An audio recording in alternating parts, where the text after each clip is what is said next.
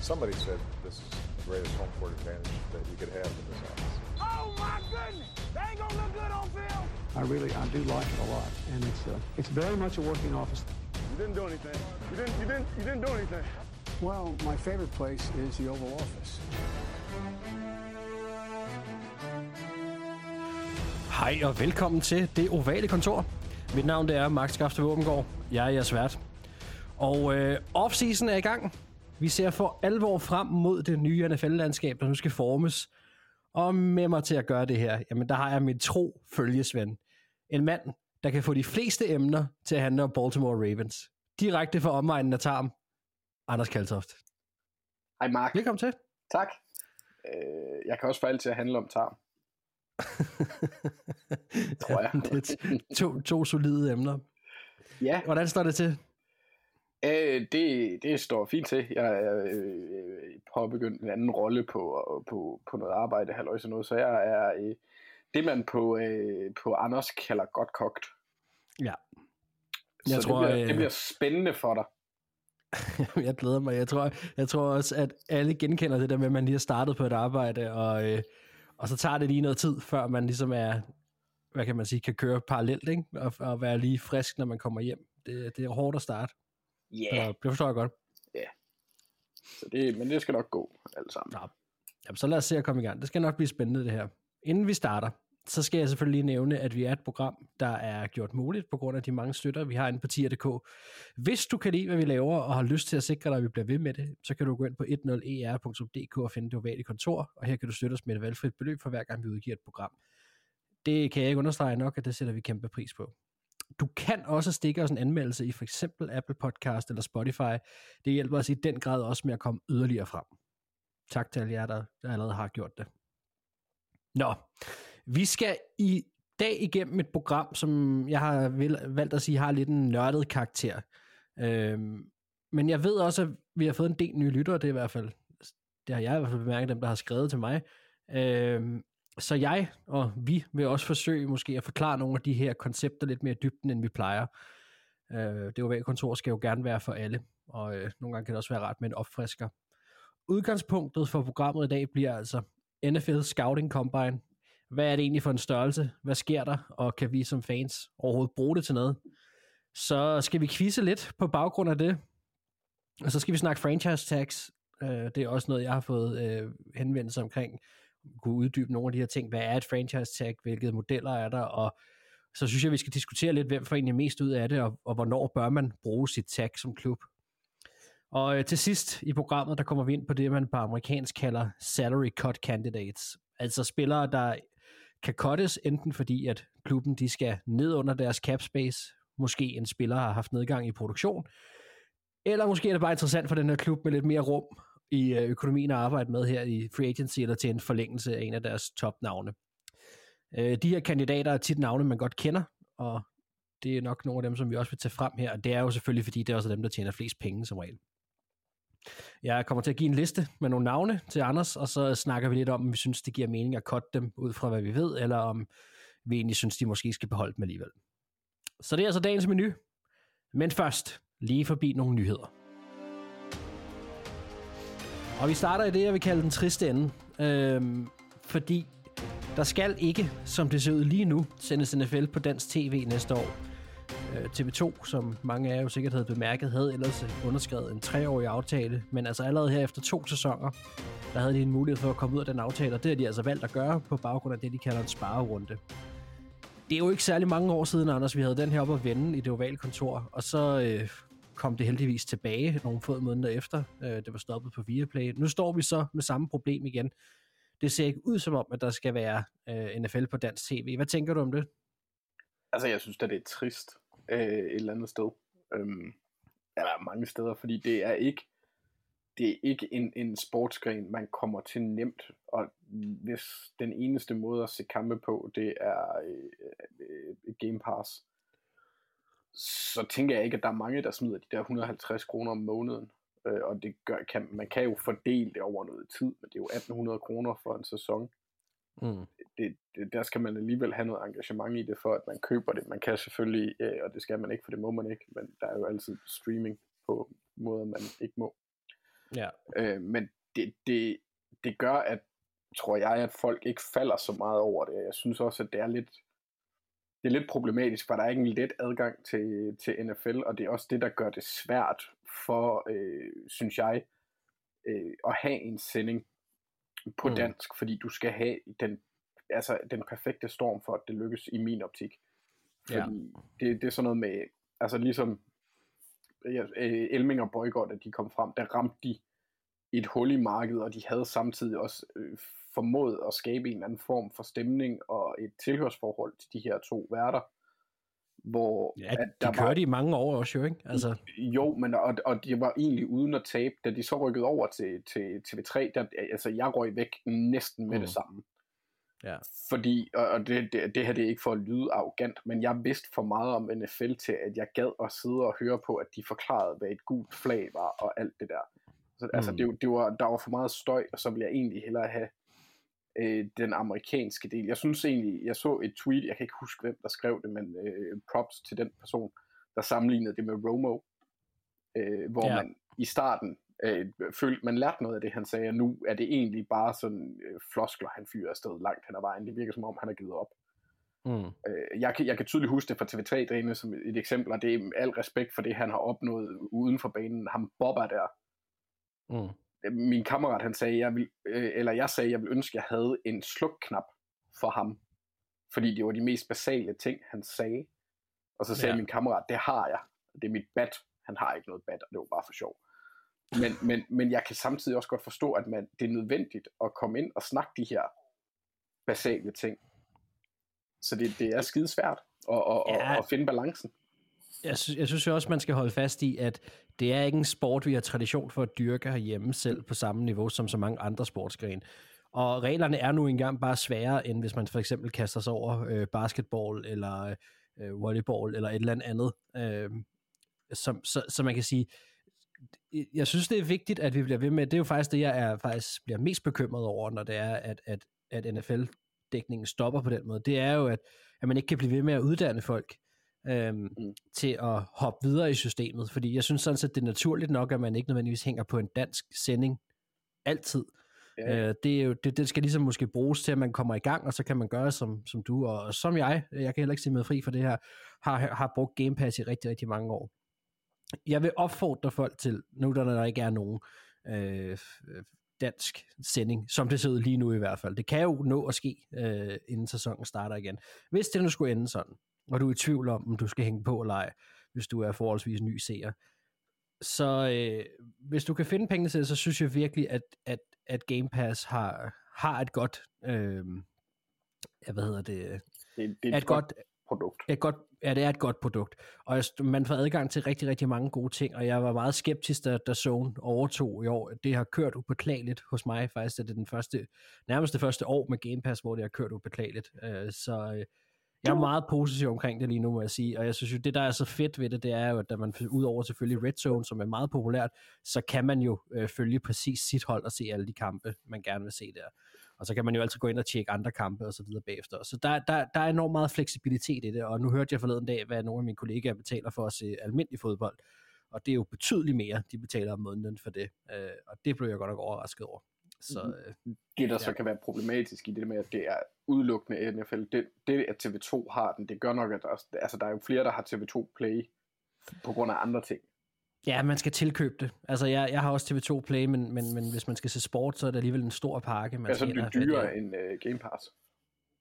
Det ved jeg ikke, om det gør, men det er i hvert fald... En, du, du, skal- nå, okay, men du Jeg skal, tror, så det er skal du, 189 eller sådan noget, for, for, hvis man skulle have haft uh, sport med, altså Red Ja. Zone og sådan noget. Men det vil jeg også sige, i forhold til din pointe om Game Pass, udover at jeg lige ved at dø af grin, fordi jeg har åbenbart øh, virkelig assimileret mig til Vestjylland, for jeg havde altid læst det som Dassen.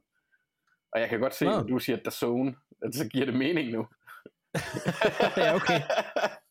Ja. Men, men øh, hvad hedder det, øh, i forhold til produkter og Game Pass, hvis man har adgang til Red Zone, fordi det tror jeg også er en af de hurdler, der er for europæiske serier. Vi er ikke vant til alle de pauser, vi er ikke vant til alle de reklamer, og det er anstrengende, at det hele tiden bliver afbrudt. Og der giver Mm. Red Zone, selvom man mister lidt følingen med den enkelte kamp, den giver bare en mere strømlignet sending, Ja. øh, hvor man slipper for alle de der, øh, og det er absurd mange reklamer, der er på amerikansk fjernsyn. det, og så hvis man vil nærse kampe, så kan man jo altid se Game in 40, hvor man får mm. det mest af det med. Man kan også se den fulde kamp, der skærer de så ikke reklamerne fra, hvad jeg ved af nu. Men, men altså, der er nogle muligheder, plus hvis man så er fanget af NFL, øh, bokken der, så er der adgang til en helvedes masse programmer uden for Og det også. Og dokumentarer, lige præcis. som er, America's som er super fede. og Ja, Football Life og sådan noget, hvor du får en lidt mere, det var jeg selv kæmpestor fan af.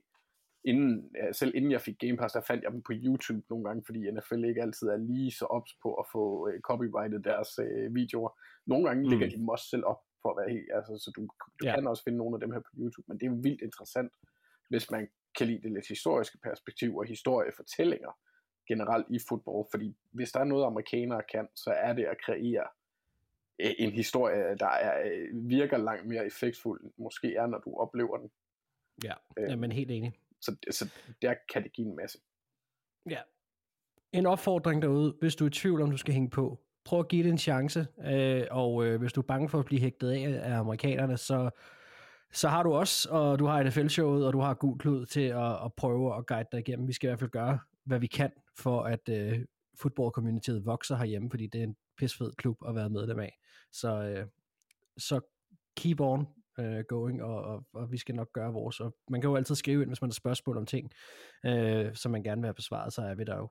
Så, og så ved jeg, at, at, at man tidligere har kunne, jeg tror, man har kunne købe Game Pass igennem Google Cloud, eller i hvert fald øh, hjælpe den vej igennem os, så det kan man jo også tjekke ud, hvis det er. Nå, det var det. Vi håber, at øh, på trods alt det her, vi når at få en dansk sending på plads til, til sæsonstart. Så skal vi lige ind og runde øh, løndoftet, at det, det er stedet historisk, og det skal vi også, fordi jeg har, jeg har også fået et spørgsmål omkring det, som jeg har, har lovet at uddybe, men, øh, men det her lønloft er altså stedet historisk. 1994 for første gang, at, øh, at salary cap'en trådte i kraft i NFL, og dengang der lød den på 34,6 millioner dollars. I dag der er den nu på 255,4. Og siden sidste år er det en historisk stigning på 30,4 millioner dollars, og det er jo altså stort set, hvad der svarer til, hvad salary cap'en samlet set var der i 1994. Og der er selvfølgelig lige noget med noget inflation, man skal tage for højde for. Men uh, ligegyldigt hvad, så er det altså en historisk høj stigning, vi står overfor. Og jeg vil sige, de sidste år har kappen, som vi bare kalder den, været steget med omkring 5-8% per sæson, ud over lige vores covid-19-sæson, hvor man øh, mistede en masse indtægter fra stadions. Øh, men han har altså indført flere grundspilskampe og nogle flere slutspilskampe, og det giver altså en kroner i kassen, udover en stor tv-aftale selvfølgelig også. Og jeg fik et spørgsmål, om jeg lige kunne forklare, hvordan, hvordan det fungerer i NFL, og, og det, det bliver ikke særlig langt, men selvfølgelig vil vi gerne give det et skud, øh, fordi i NFL, der har man jo det, der hedder hard cap, og det betyder altså, at man ikke kan overstige sin salary cap, som er nu på de her 255,4, øh, når ligeåret starter her i marts. Og overenskomsten, den er jo så skabt i forbindelse mellem spilorganisationen NFLPA og NFL's ejere. Og den siger så, at kappen skal splittes mellem ejere og spillere. Og lige nu, hvis man er interesseret i det, så ligger den fordeling på 48% til spillerne. Men udover at man har et lønloft, så har man jo også det, man kunne kalde et løngulv. Altså NFL-hold skal over en fireårig periode have brugt minimum 89% af deres cap, hvor NFL samlet set som liga skal have brugt 95%. Øh, og ellers så skal det fordeles ud på de spillere, der har været i den fireårige periode. Så det er altså både for at sørge for, at man har en lighed i løn, men også for, at spillerne får, hvad de skal have. Og hver gang, at de her ting er ligesom indsat i NFL, så vil man altid kunne gå tilbage til, at det har været en eller anden give-and-take situation med øh, NFLPA, altså Spillerforeningen, eller NFL's ejer. Så jeg håber, det svarer på spørgsmålet. Og så synes jeg, vi skal gå videre til den aller sidste ting på nyhedsposten, og det, det, jeg synes bare lige, at vi skulle nævne det, det, det har været en, en, en lidt speciel øh, sag omkring en enkelt person, Matt Araiza, han er tilbage i NFL, manden som blev omtalt som Punt God, øh, der kom fra San Diego State, og øh, nogen må nok kunne huske, at han blev draftet i 6. runde af Buffalo Bills i 2022. Han var jo sådan set egentlig blevet starter, men blev så kottet inden sæsonen, og inden han nåede at spille en NFL-kamp, fordi han blev sat i forbindelse med en, ja, en voldtægt simpelthen af en 17-årig pige. Øh, jeg tænker ikke, der er nogen grund til yderligere at gå ind i, i hvad den sag omhandlede, men beskyldningerne mod ham er blevet lagt ned, øh, og det virker ikke til, at der kommer mere i den sag. Og det har så betydet, at nu er han tilbage i NFL. Kansas City Chiefs har givet ham en chance. Øh, deres punter, Tommy Townsend, han, øh, han står til at blive free agent. Anders, har du nogle tanker omkring det her, at han er tilbage i NFL igen? Det var jo en mand, der egentlig var ret meget snak om, inden alt det her også kom frem. Jamen, han havde jo et ben, der var øh, af en anden verden. Altså, han kan, han kan ponde rigtig langt. Ja. Øhm, Ja, og også hans, hang, hans hangtime har jo været meget øh, øh, kendt også, ikke? Øh, øh, de to ting hænger jo ofte, øh, ofte sammen, medmindre du ponder virkelig lavt. jo jo, det er der, men, men, men, men, men ja, altså hvis du ikke kan få hangtime på et langt pond, så er det jo ligegyldigt. Ja. Øh, men, men jo, jeg synes altid, det er svært, øh, og jeg, øh, jeg render heller ikke rigtigt, at vi gjorde os til dommer dengang, fordi det var anklager, og det er svært at sige. Men i de her sager, der, det, det er skide svært. Men altså, hvis hans navn er blevet renset, så må man jo gå ud fra, at det er sådan, det er. Øh, have, have lidt tillid til, til retssystemet. Og så er det jo godt, at han får en chance. Ja. Øh, så kan man jo se tilbage og sige, at det er synd for ham, at han skulle spille to år af hans øh, karriere på at, at bøvle med sådan noget, hvis det ikke er sket, og det ser jo sådan ud. Mm. Så det er jo, det er jo, det er jo jeg tror, det, og det, det her, det, det var han også ude at sige, fordi han, han, han nævnte, at han blev dømt i offentligheden. Det, det var allerede sket, inden mm. han var, altså så snart historien kommer ud. Ja. Og, så, og det, det, det kan jeg også selv være, øh, have en tendens til at gøre, når jeg hører sådan nogle ting. Ja. Fordi det er øh, makabert, og man vil jo gerne tro på de her, fordi det er også en, en vild situation. Det er meget, meget Altså, der skal meget til at komme med en falsk anklage om sådan noget her. Mm. Øhm, det sker heldigvis ikke så tit, men det sker. Og det er jo også det, der ser ud til at være sket i Matt Rices tilfælde. Men det, det, er, det er sådan en, en, en, det er en historie, han aldrig kommer til at få væk fra sit navn. Det, bliver, det vil altid blive forbundet med de her anklager. Og det er ja. skide synd for ham, hvis han ikke har gjort det. Og, og igen, det... Det er jo, hvad vi ved lige nu, og det, det, det har altså, politiet har jo brugt øh, otte måneder på ja. at, at, at, at gå igennem det her. Man kan også hæfte sig ved her, at han har ikke betalt nogen penge for at afslutte den her sag heller. Det er jo også nogle gange noget, der kan ligge mm. øh, lidt i baggrunden, når man afslutter sådan nogle sager her. Ja, så, ligesom så, med det Sean Watson. Ja, for eksempel, ikke? Altså, at, at så kan man føle, at nogen fik lukket munden, eller blev tilfreds. Eller... Det er altid sindssygt svært, der. Der er også en grund til, at vi aldrig rigtig går ind i de her sager rigtigt, fordi det er nemlig absurd svært. Og, og det har bare en enormt stor magt, det der med, når man råber noget højt. Mm. Ikke? Altså, øh, og specielt noget af den karakter her. Og hvis det så er, at man er uskyldig, så må det jo være forfærdeligt at sidde i den anden ende, fordi så alle reagerer jo på det, og det ja, gjorde Bills også på det tidspunkt. Ikke? Og det er de jo også nødt til, fordi, ja. og, og kan det jo, øh, fordi de, det er jo det, man kan sige, conduct, conduct detrimental to the team. Og så snart at et hold bliver sat i det lys, så er de nødsaget til at reagere, fordi hvis du siger, vi, vi lærer det øh, retten til due course, mm så, så er det jo to år, hvor du har det her. Og det, der ved jeg godt, altså vi, vi lever også i et samfund, hvor så snart sådan noget der, der kommer ud, så blæser det på sociale medier. Bills, det, det, det. altså det, det, det, det, det støj, som Bills ikke gad at forholde sig til i to år. Ja. Så det, ja, ja. fra deres side er det jo også logisk, de, de fjerner noget støj. Det er skide sundt for ham, øh, så, men nu må vi se, hvad hans chance bliver hos Chiefs. Altså, det er endnu en, nu ved jeg, man skal ikke lægge for meget i Ponders, men altså, han har da noget potentiale, som vi ikke har set i noget tid med de der... Øh, han var sjov, fordi han, han var sjov, fordi han kom ligesom med en, med en, en, han var en af de der få, der bliver hypet en gang imellem. Ja, men han er en specialist stjerne, og det ser ja, vi ikke så ja, tit. Nej, præcis, og det er altid sjovt, når, når, når der er sådan nogen. Så lad os håbe, at uh, hans navn forbliver renset, som det er nu. Det går vi ud fra, og så, så lad os se, om han får en plads hos Chiefs. Godt, og lad os så hoppe ind i programmet. Will they bring out the punter here? Og vi starter altså med den her NFL Scouting Combine. Og øh, jeg ligger ligesom ud her, fordi jeg synes, det er, det er meget godt, når vi nu har de her off programmer og vi har lidt mere tid til ligesom at gå i dyb med de her ting, at vi får sat nogle ting på, på plads omkring det. Og, og hvad er en NFL Scouting Combine? Og der er lidt historisk kontekst, ideen bag den, og hvad går man igennem? Jeg synes egentlig, at vi skal starte øh, den her fortælling om, hvad en NFL, Combine, hvad NFL Combine er med NFL Scouting generelt.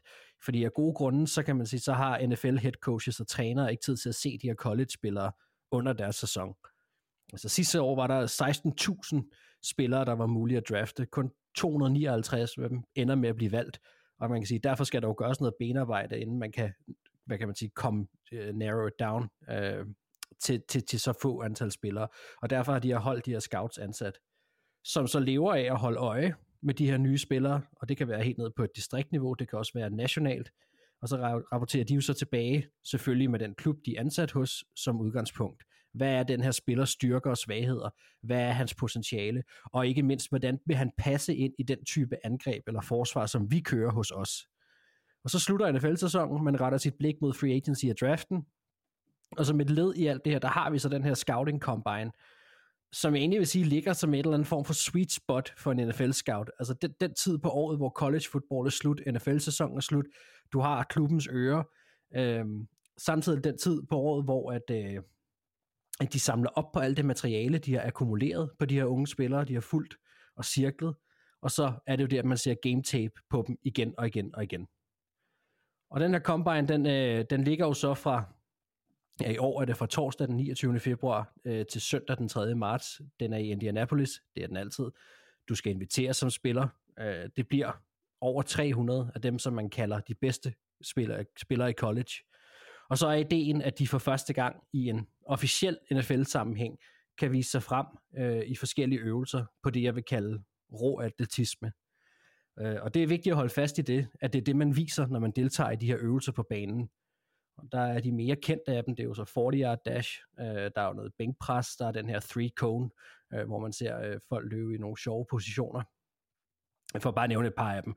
Øh, for mig, når vi snakker NFL Scouting Combine, så er det vigtigt at holde fast i, at man i de her øvelser viser atletisk formåen, og ikke andet. Og det er vigtigt, fordi atletiske evner betyder ekstremt meget mere i college, end det gør i NFL. Uh, øh, som mange af vores lyttere med garanti ved, så er college-niveauet jo noget svingende. Uh, faktisk så svingende, at dem, der er de store stjerner der, uh, jamen altså, de kan jo godt slå deres mand med bare at være bedre atletisk. Men i NFL, der er alle jo topatleter. Uh, og, og det er jo ligesom de bedste af de bedste. Så selvom at de kalder det NFL-øvelser til Combine, så er det for mig lidt sådan en omgang college-olympiade, hvis jeg skal være helt ærlig. Og derudover der, så er der så en, en medicinsk undersøgelse af mange af de her inviterede, eller alle de her inviterede spillere. Det synes jeg, det er nok noget af det vigtigste, der er. Det kan vi lige komme tilbage til. Øh, men udover den, så giver Combine så også mulighed for, at de her spillere kan blive interviewet af forskellige NFL-hold. Og de her forskellige interviews er tit baseret på spillerens college tape. Øh, altså, de bliver måske vist nogle spil, bedt om at forklare, hvorfor de gjorde, som de gjorde, hvorfor de ikke gjorde. Øh, og det er ligesom indholdet af, hvad der sker i de her dage. Men hvad der angår, eller undskyld, men hvad angår det, vi ser og bliver eksponeret for som fans, så er det jo meget de her øvelser. Og de er et styret miljø med meget specifikke øvelser, og det er jo så også uden pads på, altså uden udstyr på. Og det er jo her, kritikken kan komme ind, synes jeg, og det synes jeg er noget det, vi skal diskutere, øh, fordi det har jo fået lidt et nedladende øh, kælenavn som undertøjsolympiaden. Og sidste år, der slog Dan Campbell det egentlig meget godt fast, synes jeg, da han sagde, at øh, nu tager jeg den lige på engelsk, fordi det er lidt nemmere, men uh, it's not even the working out portion. To me, you grade them off the tape. You don't grade the, you don't grade off somebody in their pajamas running with the 40 without no defender around. Og man kan sige, i princippet så er det jo, det er jo noget, det vi lige har siddet og snakket om, at, at, at det, der betyder noget, er game tape. Altså det er, hvad de har præsteret i løbet af sæsonen, og det er svært at bruge de her øvelser til særlig meget. Men Anders, hvad, hvad, hvad, hvad tænker du om det her? Altså, er det samme udgangspunkt, du har, når du, når du ser den her NFL Scouting Combine, eller mener du, at synes du, man kan bruge de her ting til noget mere? Altså, man kan jo godt bruge dem, men, men altså, du kan jo kombinere begge ting, men Combine er efterhånden for mit vedkommende, og jeg tror også for mange NFL-hold, du kan jo se Rams, der ikke rigtig gør så meget brug af den. De følger det, de, fordi der kommer GPS-tracking i college, så du kan få alle de der tal alligevel. Mm. Øh, det er mest medical, og så, øh, eller altså tjek for skader, det er jo egentlig også grunden til, at Combine oprindeligt blev oprettet, hvis jeg ikke tager helt fejl. Det var sådan, at men det er det. de kunne tjekke ja. for skader. Og ja. så er det de interviews, der ligger bagved. Du, øh, altså, vi kan jo tage quarterbacks for eksempel, pisse hammerne ligegyldigt, om de kaster mm. eller ej her. Og øh, fordi det, det, du kan ikke, som du nævner med, med i forhold til uniform under pres og alt det der, det er nye receivers, de ikke kender. Du kan ikke bruge det til super meget. Så det er mest det bagved, det vi ikke ja. ser på fjernsynet. Det vi ser, det er mere et show. Selvfølgelig kan du bruge det til noget, og det er særlig vigtigt for de spillere, der måske ligger ned i, altså anden runde ned, ikke anden runde ned efter 3., 4., 5., 6., 7. runde, dem hvor at du måske kan være i tvivl, og så kan det få dig til at gå tilbage, hvis de nu præsterer skide godt i, øh, øh som Thijs vil sige, agilitetsøvelserne, for eksempel en wide receiver, der måske ikke har en brændende 40, men er hurtig og shifty, for, for eksempel har en hurtig 3-cone, en god 3-cone, og så gå ind mm. og kigge, øh, matcher tabet med de tal, det kan også få dig til at, og, og altså det kan både være positivt og negativt. Vi snakker tit om de her Combine Warriors. Øhm, der var ham, Jets har, har gjort det et par gange. Øh, et, måske det mest grælde eksempel var den offensive tackle, som Packers tog i, der hedder Tony Mandarich, som også var sådan atlet, altså fysisk meget voldsomt. Det var i slut 80'erne, mener jeg. Jeg mener, at det var den samme draft som Dion Sanders og Barry Sanders og sådan noget. Mm. Øhm, hvor at du bliver snydt af de tal. Så man kan ikke bruge det til noget alene. Du skal have begge ting med.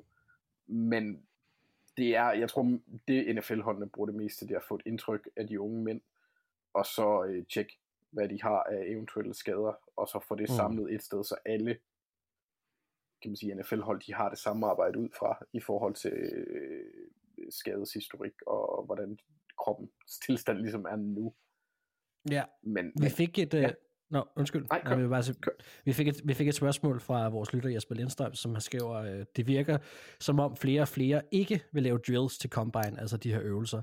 Øh, jeg synes, det virker snobbet og dovent, og jeg synes, det trækker ned i forhold til, hvad jeg synes som en spiller. Hvordan ser I på det? Har det en betydning for jer, og hvordan, tænker, hvordan tror I holdene tænker om det?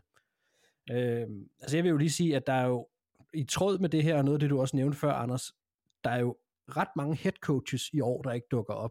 Altså Los Angeles Rams, det nævnte du før, Sean McVay, han kommer ikke. Mm. Mike McCarthy kommer heller ikke, Robert Saleh kommer heller ikke, Carl Shanahan har rygtet til at være været på vippen også. Men det skal jo så siges, at, at de kan jo godt deltage i, i det her Zoom-kald, altså fra et Zoom-kald til de her interviews med spillerne. Mm-hmm. Så, så, så det, man kan sige, det, det, det siger måske også bare noget om, hvad de mener om det andet. Altså, og, og, og, og lidt i tråd med, altså jeg ved ikke, har du en kommentar til det, Jesper siger også, eller spørger om? Ja, altså, det er jo fair nok, at det, det er sådan, jeg, jeg, i, i forhold til at svare på, hvordan jeg har det, nej, overhovedet ikke på samme måde. Øh, jeg mm. er en, det kommer selvfølgelig an på, hvordan det bliver leveret, fordi hvis det er den der, jeg er for vigtig til det, så nej, for, for eksempel sådan en som Lamar, der, der kom, han nægtede jo at løbe 40, øh, blandt andet for ligesom at skyde lidt ned det rygte, at han ikke var en quarterback, fordi du ved godt, han er hurtig, det kan du se på, øh, på film. Men hvis han løber en 4-3 et eller andet, så begynder folk jo måske at kigge lidt. Mm. Og det kan måske også, altså det kan godt sende et signal, der måske er lidt negativt i forhold til, hvor man ender. Nu bliver Mario draftet nummer 32. Øh, det var der mange grunde til det her, det har måske været en medvirkende årsag. Jeg ved ikke, hvor stor en effekt det har haft. Men nej, for mig at se, øh, jeg synes ikke, at det er arrogant, og jeg synes heller ikke, det er dovent. Jeg tror, det, jeg vil mere sige, det er realistisk. Jeg vil sige, det er dumt, hvis du er projekteret til at gå i bunden af første runde og ned efter. Hvis du er en sikker top 5, altså vi så jo for eksempel sådan en som Jamar Chase, han sad jo sin sidste sæson ude, og mm. han blev taget i top 5. Hvis du er god mm. nok, så er det ligegyldigt. Øhm, så, så vil der være andre aspekter, jeg vil være mere øh, bange for. Sådan en som Dion Sanders for eksempel, han var jo til Combine, og der var der folk, der spurgte om, øh, altså bad om interview, så sagde han, hvor drafter I? Og så var det uden for ja. top 5, så, så kommer jeg ikke til at få mig. Nej. Så gider jeg ikke snakke med jer. Altså det, men det, det, handler jo... det, er jo, det, er jo, det er jo også pisse arrogant. Det, det er et større red flag, men det er jo også, der, der synes jeg, vi er inde på noget af det her, hvor det handler om det, vi kan bruge kombinen til. Mm. Altså det er det her netop, som du snakker om, det der foregår bag kulissen. Mm. En ting er det medicinske, det kan vi lige så godt tage ud og så sige, det er, det er nok det allervigtigste faktisk, fordi det kan stoppe en karriere lige der med det samme, hvis ikke man, man stoler på, at de fysisk kan holde til det, eller har en eller anden skade, eller man opdager et eller andet. Men nogle gange bliver der jo opdaget ting, simpelthen også til den her combine, som er godt, der bliver opdaget, men mm. som man ikke vidste, at spilleren havde. Der synes jeg bare, vi tager ud, fordi det, det er ligesom det vigtigste. Øhm, men de her interviews, der foregår, ja. det synes jeg jo er, er det aller, aller vigtigste, og det man sådan set kan bruge det til, og det er jo netop noget af det, vi ikke kommer til at se, som du siger. Og så, så fordi vi ikke kan være med til det her, så er min tese i hvert fald, at den er bliver pustet op til det, den er Combine, fordi den ligger et eller andet sted mellem Super Bowl og draften. Altså det er ligesom det første store arrangement, der kommer, mm. øh, inden at, at der ligesom sker noget igen og, og det bliver jo deftet, jeg ved, undskyld, det bliver tækket hæftigt af NFL-hungrende journalister. Deftet. Og det, man kan sige, det er også lidt en kaffeklub, ikke? Fordi dem, der gerne vil være noget med musikken, de er der, og folk, der har været ansat tidligere og sådan noget, skal lige se, om de stadigvæk har lidt, øh, om de stadig kan lave det samme handshake med, med sine gamle kollegaer og sådan noget. Ikke? Altså, der, er, der, der går lidt selvfedme i det også for nogle af de her gamle scouts og journalister og sådan noget. Ikke? Jo, altså, men, men Mark, man skal heller ikke undervurdere den der del af det, at det er for, for folk, der gerne vil ind i NFL, at det er en god network, netværksmulighed, men også det der, der er enormt mange handler, der finder sted i Combine-ugen. Altså de, det er rigtigt. Øh, så så det, det er et centrum for aktivitet, hvor man ikke ser det primære. Men mm. jeg tror også, at vi vil se mange af de øh, aftaler, der måske kommer i stand i løbet af free agency, når der bliver åbnet op for den mm. for alvor. Mange af de første samtaler, de finder sted i, øh, i under Combine i Indianapolis, går jeg ud fra igen. Ja. Øh, håber jeg. Øhm, og det er jo, ja, jeg, jeg tror også, der er noget nostalgi over det for mange af dem. Øh. Og det tror jeg også. Jeg, jeg så faktisk en, øh, en lille bid med, hvad hedder han, øh, Daniel Jeremiah fra, øh, han er vel en på NFL nu. Ja, det er, han, han er, ja, ja. tidligere scout. Øh, og, for, og, for BM. Været, for, B, for, for, ja, for BM. For blandt andet Ravens. Og Browns øh, og Eagles. Ja, men... Øh, jeg skal jo leve op til det, du sagde, Mark. Ja, ja, men det er rigtigt. Men, men jeg sad faktisk og, og, og så lidt, han sad og snakkede lidt om, hvordan det ligesom er at være scout, og så måske sidde til den her combine, og, og jeg, jeg, jeg synes, han havde nogle meget sjove pointer. Altså han sagde faktisk noget af det, der blev lagt ret meget mærke til, det var også øh, spillernes håndtering af pressen. Øh, og specielt de her klubber, som er New York-hold, eller LA-hold, eller nogle af de store markeder. Der er jo altså nogle gange nogle spillere, der kommer fra nogle ret små skoler, og man kan, selvom college football er stort, så er der ret stor forskel på, hvor stort det er. Så hvis nogle af de her hold går med tankerne omkring at, at hente nogle af de her spillere, og de ved, at de kommer fra et stort marked, så er det interessant for dem at se også, hvordan de håndterer et, et pres fra pressen, for eksempel. Øhm, og det var egentlig faktisk en ting, jeg ikke havde tænkt om, som, som jo giver super god mening, at det også er noget, man kan lægge mærke til. Øhm, og så, så synes jeg også, at han gik ret godt ind i sådan en, en snak omkring netop det der med, hvad det er, de sidder og snakker om i de interviews. Og han, han, han fortalte på et tidspunkt om en spiller, jeg kan simpelthen ikke huske, hvem det var, om, jeg mener, det var en quarterback, som de havde inde i hvert fald, hvor at, at, at de, øh, han fortalte, det var ligesom den der sådan faste rutine med at tage nogle spil op fra college, som måske ikke var de mest bemærkelsesværdige, men så var dem, de håbede på, at spilleren havde lært noget af. Og hvis så lagde de så allerede mærke til, om spilleren kendte det spil, de hævde frem, altså om det var noget, der havde bidt sig fast i ham. Fordi hvis det var det, og det var noget, han havde tænkt over, så fik det ligesom den karakter, som de gerne ville have, altså at, at man, hvad kan man sige, øh, havde ønsket at arbejde med sig selv, og man havde gjort det af egen initiativ, inden at man kom til Combine. Ikke? Så det var næsten ikke engang svarene heller, det var også mere sådan tilgangen til det. Så, så der sker rigtig, rigtig mange ting her. Øhm, jeg vil godt lige have et andet spørgsmål med også, eller fra, fra Katja Kvarnø, som har skrevet, øhm, for, for fans er det jo sjovt at se spillerne atletiske evner. Det er jo det, vi har snakket om. Det, det kan vi jo godt være enige i. Øh, men meget mere og mere, og det er også det, du er inde på her, GPS-data er tilgængeligt. Øh, er øvelserne i Combine så ikke mere ligegyldige for NFL-holdene? Og kommer Combine-resultater ikke til at betyde uretfærdigt meget for spillernes draft-rangering? Nu er der jo to, to spørgsmål i det her. Øh, det der med, om de er mere og mere ligegyldige for NFL-holdene, altså det er, jo, det er jo meget, meget svært at sidde herovre på den anden side af Atlanten og sige det. Mit indtryk er jo, og mit indtryk er jo ud fra, at, at, at de her head coaches og også de her topspillere godt ved, hvad det er, det handler om. Altså det handler om at, at snakke med hinanden og netværke og finde ud af, hvor er man henne, fordi der er masser af game tape på rigtig meget af det her. Og så kan der måske være, som du siger, noget omkring det her med de her spillere, som, som måske hænger på vippen, dem der fik de, de sidste invitationer af de her lidt over 300, at, at de har en chance for at gøre noget. Øhm, men det her med combine-resultater, om de kommer til at betyde uretfærdigt meget for spillernes draft Det er jo svært at sige, om en draft et draftvalg direkte er baseret på en combine. Det er jo altid sådan noget, man kan sidde og spå om bagefter, om, om det havde en, øh, en tilgang eller ej, eller om det havde en betydning eller ej. Jeg vil sige, hvis, hvis combine har spillet ind i et af de her topnavnes øh, draftplacering, så jo, så synes jeg, det, er, så synes jeg, det betyder for meget. Men jeg ved ikke, hvad tænker du? Nå, det, der er jo, øh, hvis det er det centrale for dig, så jo, så er det, det er farligt. Og det man kan sige omkring det der, Mark, det er jo også, at det er meget afhængigt af, kompet- altså hvor kompetent er din front office, vil jeg sige.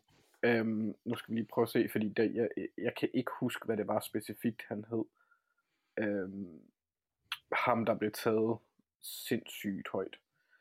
Hvor at det bare var en kæmpe fiasko. Altså, vi, vi kan sige, Jamarcus Russell for eksempel, han var jo en af dem Men, Ja, tidligere quarterback for Raiders. ja, fordi han havde en åndssvag arm. Han havde så også vundet. Det er Vernon Goldston, jeg tænker på. Ja, øh, som Jets tog med nummer 6 i 2008 øh, ud af Ohio State. Han havde en vanvittig draft. Øh, eller combine, undskyld, og også draft for den sags skyld. Men han, han præsterede ja. aldrig rigtig så meget. Han havde egentlig også nogle... Han havde okay gode statistikker fra college, men hans combine var øh, insane. Og det har passet det, og man skal altid huske, uanset hvad, man skal jo college og NFL er to forskellige spil. Så du kan godt Mm. have en statistisk rigtig fin college, college-sæson, men hvis dit, øh, hvis dit spil ikke er overførbart til NFL, så er det svært. Og her kan man godt blive forblændet af combine stats. Mm. Øh, nu er det ikke for at, at, at svine Raiders til, men Al Davis var jo også rimelig kendt for at have den her tendens. ja altså jeg skulle sige, jeg kan også nævne Darius Haywood Bay her. Lige præcis. Det, det, det, handlede, det handlede bare meget om fart, og jeg, mm. jeg har jo lavet en quiz til dig her senere, så vi skal igennem også øh, omkring nogle af de her combine-ting, og jeg valgte faktisk at tage alle de her Raiders-spillere ud, som jeg lige husker det i hvert fald, fordi det, det, det var nærmest, øh, man kunne ikke rigtig bruge det til så meget, fordi det bare var en Al Davis-ting. Altså, Ja, det, jeg, jeg, jeg vil også sige, nu ved jeg ikke, hvem der var GM for Vikings i 2005, men at da de sendte uh, Randy Moss væk, og så tog Troy Williamson. Jamen, det behøver vi ikke komme ind på, altså, det er så lang tid siden, det kan folk da ikke huske. Åh, oh, okay, ja. ja. Men det er, altså, jeg er ret sikker på, at du har ret i det sidste. det, det kan lad, os bare, lad os bare håbe det i hvert fald. Men han, han, han løb jo stærkt, og det var Ja. ja. det, han blev draftet på, men, men var aldrig en succes. Så altså, Øhm, man skal passe på med ikke at blive forblændet, og det, det tror jeg egentlig bare er en generel tilgang, hvad enten det er på film eller med tape. Øh, ja, men man skal selvfølgelig tro på det. Undskyld, ikke Ja, tape, det- det- det skal- øh, combine. jeg skulle også sige, ja, fordi game tape kan man jo netop bruge til noget, men altså, okay, kan- kan vi så lige tage en, en snak omkring det her, om man overhovedet bør stille op som, som et top prospect, altså, og, og hvis ja, eller måske bare som et prospect, og så lad os sige ja, hvem er, hvis ja, hvem skulle så gøre det? Og jeg kan jo så nævne både Caleb Williams, som er det store quarterback-navn i år, sammen med Jaden Daniels, øh, Marvin Harrison Jr., Malik Neighbors, de to store øh, wide receiver prospects, der kommer ind. Der er ikke nogen af dem, der kommer til at deltage i de her workouts. Øhm, det har de allerede meldt ud. Men de kommer, og så deltager de i de her interviews også. Og så der har du allerede toppen af, af, af, af, af hvad hedder det, af draften højst sandsynligt her, ikke? Øhm, altså, jeg tænker, har man mere at tabe ved at stille op som et prospect? Altså, hvis man er det her top prospect, så har man vel bevis, hvad man skulle, og det vil være min påstand i hvert fald, så har man vel alt at tabe nærmest til sådan en, øh, altså hvad, hvad er det, man skal wow med de her ting til Combine? Altså, jeg, jeg ved egentlig ikke, det er svært at sige, hvor meget man har at tabe. Fordi hvis du har præsteret i college, så, så, så kan du jo, altså, du, ja, det kommer ind på tilgang igen. Jeg vil jo sige, at jeg har den tilgang, at hvis jeg har noget college grade på en eller anden, og de så måske har en knap så imponerende combine, så vil jeg jo stadigvæk forholde mig mest til tabet. Ja. Øh, Ja, men, men du har ret, fordi jeg, jeg tror også, det er ikke, du er fuldstændig ret, fordi jeg fik også, jeg fik ikke det vigtigste med, kan man sige, det her kan jeg godt se, fordi jeg forstår, jeg tror, vi er fuldstændig enige om, at det ikke rykker særlig meget ved en draft-status. Det bør det i hvert fald ikke gøre, at man har en dårlig combine. Og man kan have en dårlig dag. Og det, sådan er det jo simpelthen. Og det er jo det, Ja, der er ja, det, men det, ringe, det, er jo det, der er det ringe ved eksamer og alt muligt andet. og Ja, sådan ja, noget, og ikke? ens penis kan falde ud af shortsen og sådan noget. Det, det sker. ja, okay, det kan jo ske. Det var derfor, ikke, Chris Jones han først blev taget i tredje runde. Ikke? Nå, okay. Nej, men han... Men, øh, Ja. men, men, men, men, men det, det, er jo, det er jo en ting, men det er mere, om man gider igennem det der mediecirkus, hvis du stiller op. Lad os bare sige, at Caleb Williams stillede op, og, øh, og han er sgu egentlig ikke helt på toppen. Og så går han ud og leverer en so-so øh, kastepræstation.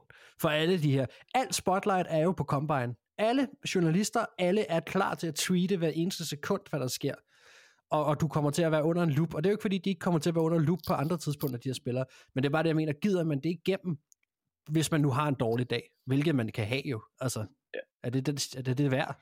Hvis jeg var Caleb Williams, så ja, fordi hvis man kigger på hans historik, så bliver han rimelig meget beskyttet af trænerstaben. Han har også nægtet, øh, ikke nægtet, men han har afvist at tale med, med pressen efter nederlag i, i sidste sæson. Mm. Så for ham vil jeg sige, det er ret vigtigt, at han møder op, og at han er uh, altså, øh, positivt indstillet over for det, og ikke giver sådan nogle vattet, øh, eller passivt aggressivt svar, eller, eller det kan godt være, at han giver politikersvar, det er NFL mester. Nå, men det, er- det, er jo, det er jo interviewsene, mm. men, men, men er der nogen grund til for ham at gå ud og kaste? Nej, nej, der er ikke, der er ikke grund til for top prospects, i min optik, at gå ud og Mm. kaste. Nej. Øh, Det, det, det synes jeg ikke, de vinder ret meget, men de har vist, hvad de kan i college. Ja. Og, og det er, som jeg også sagde før, det er ukendte receivers, og det er uden pads, det er uden pres, det ja. Mm. Så det, det synes jeg ikke, at de kaster til deres pro day, så kan de se, Ja. hvordan det ser ud i øh, uden pads og alt det der. Øhm, og det, men jeg synes også, at det er en, en af de ting, vi skal også lægge mærke til, at NFL er blevet så voldsom industri, og det samme er college i forhold til at combine. Altså de her spillere, de tærpes igennem. Mm. Øh, både i forhold til, hvordan de skal svare dengang, hvor man tog Wonderling, det ved jeg egentlig ikke, om man stadigvæk gør, hvordan den bliver brugt og sådan noget. Altså, de, det mister mere og mere glansen, jo mere du bliver øvet i den slags. Ja.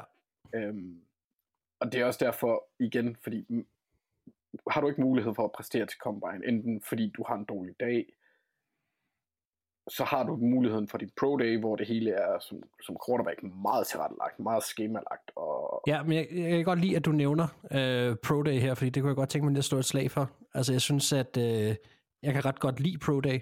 Mest af alt også, fordi den ligger efter Combine, så, så man kan få det her ud af det. Man kan fortsætte interviewet med, det her, med den her spiller, den her prospect, øh, man er interesseret i. Og hvis man øh, følger NFL på, på Twitter eller andre steder, så er det der, man også vil opdage, at, at forskellige hold sætter øh, coaches og scouts ud til de her pro days, så der bliver holdt meget øje med, hvilke hold sender hvilke øh, scouts og trænere ud til hvilke spillers pro day, fordi det kunne tyde på, at de så kunne være interesseret i at drafte dem osv.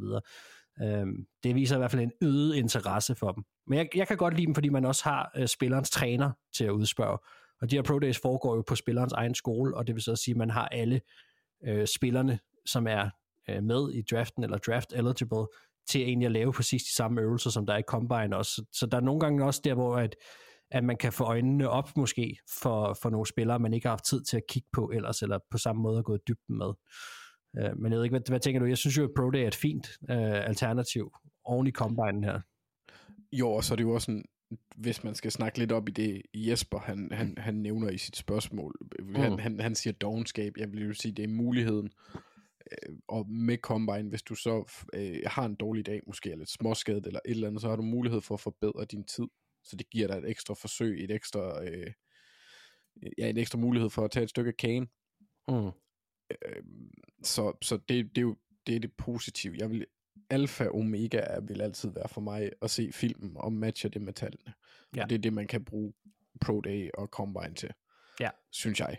Øh, det, det, det, det, det er skønt forening, men det er jo, det giver også, nu, nu nævnte du det med, ud- det er ude på de forskellige skoler, hvis du er øh, en spiller fra en mindre skole, så kan du muligvis også, for eksempel hvis du er fra South Alabama eller et eller andet, så kan det være, at du kan komme til Pro Day hos Alabama, hvis de ikke har deres egen, og så får du også noget mere bevågenhed.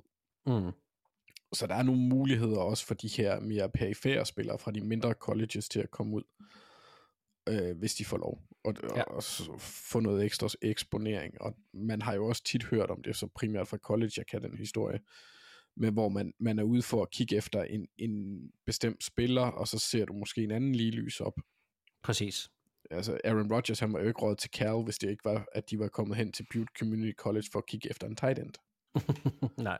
Ja. Så det er jo, det er jo der, det, der er altid, jeg, jeg kan godt se Jespers pointe, fordi jeg synes, man skal tage alle de muligheder, man får tilbudt.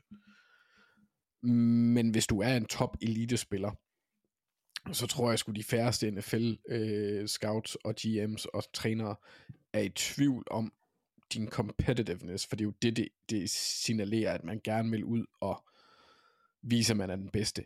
Altid mm. ved alle muligheder. Der, dertil er risikoen for skade jo eksisterende, og det er for stor en chance for dem, synes jeg. Ja. Godt. Jamen altså, hvis vi lige skal, skal afrunde den her på noget positivt, og så sige, fint, men man skal da se Combine, hvis man har lyst til det, og jeg, jeg kan da ikke se mig fri fra at have lyst til at sidde og se noget af den også. Min egen personlige holdning, nu kan man få den, og du må også gerne byde ind, Anders, hvis du ser Combine, eller har nogle bestemte, du kigger efter, når det er. Altså, jeg, jeg, øh, når jeg ser for eksempel 40 dash, så er det egentlig mest cornerbacks, jeg er interesseret i her, øh, for jeg synes, det er dem, der er mest interessant at se, om, jeg synes, det er dem, der farten betyder rigtig meget for, om, om de kan følge med øh, en receiver, hvor at en, en opgave, eller en, hvad hedder det, en øh, udfordring som free cone er meget mere interessant, synes jeg, for wide receivers, øh, som ligesom skal vise, at de kan separere sig. Og så, så, så er det altid sjovt at se o løbe, og også de her 40 yards, men det er jo de første 10 yards, der gælder. Altså dem, der er interessant for dem, det er også nemt scout spore til noget, hvor hurtigt er det de første 10 yards. Der er jo ikke nogen o der skal ud og løbe 40 yards alligevel. Øhm, Sjældent. Ja, sjældent i hvert fald. Og så, så den sidste, jeg lige vil nævne, det er bare, at jeg synes, det er sjovt at se pass rushers i forhold til de her broad jumps, altså hvor de skal se, om de kan hoppe langt. Øh, der er jo noget med noget eksplosivitet i, i benene her, som kan være meget fedt at se øh, på nogle af de her top pass rusher. Og, og når det så bliver bragt i en historisk kontekst, hvilket det jo gør med Combine, og det er jo en anden positiv ting, man kan sige her også, det har været de samme vilkår, og man har en lang øh, hvad kan man sige, sammenligningsgrundlag, man kan lave. Det er jo også altid sjovt at se, øh, hvis vi skal snakke det op. Ved ikke, har du noget at, at, at byde ind med her? Ja, jeg vil også sige, øh, altså, jeg, jeg har i mange år, der har jeg siddet øh, hver nat, det har kørt og set fra øh, røv til røv, fra ende til anden. Det er også en af grundene til, at jeg har overhørt mange sjove samtaler, da jeg havde en genbo, der var prostitueret. Øhm, okay. Ja, øh, random. Men, men, øh, men der sad jeg og så det hele her, øh, efter, eftersom jeg er blevet lidt ældre, og mm. måske blevet lidt mere vis, det ved jeg ikke. Jeg, jeg er i hvert fald blevet ældre. Der ser jeg det ikke, fordi jeg kan ikke holde mig vågen. men, men jeg holder øje med de der tider. Jeg ser nogle gange, øh, afhængig af, hvornår de, der, der hvor de sender det lidt tidligere på dagen, så kan jeg godt finde på at sidde og se det. Men jeg, det, der interesserer mig mest, det er det, du nævner med øh, 10 yard øh, distancen for de store. Altså mm. the fatties. Det er blevet ja. min øh, guilty pleasure obsession. Og det kommer vi også til at bide lidt mærke i senere. Um, mm. Det synes jeg er rigtig sjovt, for jeg synes, det er vanvittigt fascinerende at se de her kæmpe mastodonter med den fart. Fordi jeg tror, det kan godt være, at vi sidder og siger, ja, ja, en 509, det er pisse langsomt på en 40. Det er hurtigere, end hvad jeg kan gøre. Ja. Det er helt sikkert. Og så er det altså bare mennesker, der vejer 155 kilo, ikke? Og er Men, 73 meter høj. Det er jo åndssvagt. Ja. Der var uh, Dante Poe, uh, havde en fantastisk uh, 40 yard dash på et tidspunkt. Altså. Der blev han ikke 54 eller sådan noget. Det er fuldstændig jo. åndssvagt.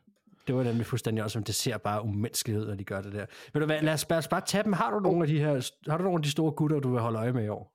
Ja, men jeg vil, hvis jeg lige må tilføje én ting, Ja, gør det. Fordi øh, man lægger jo, du, bench press øh, lægger man jo mærke til, særligt hos øh, linjerne.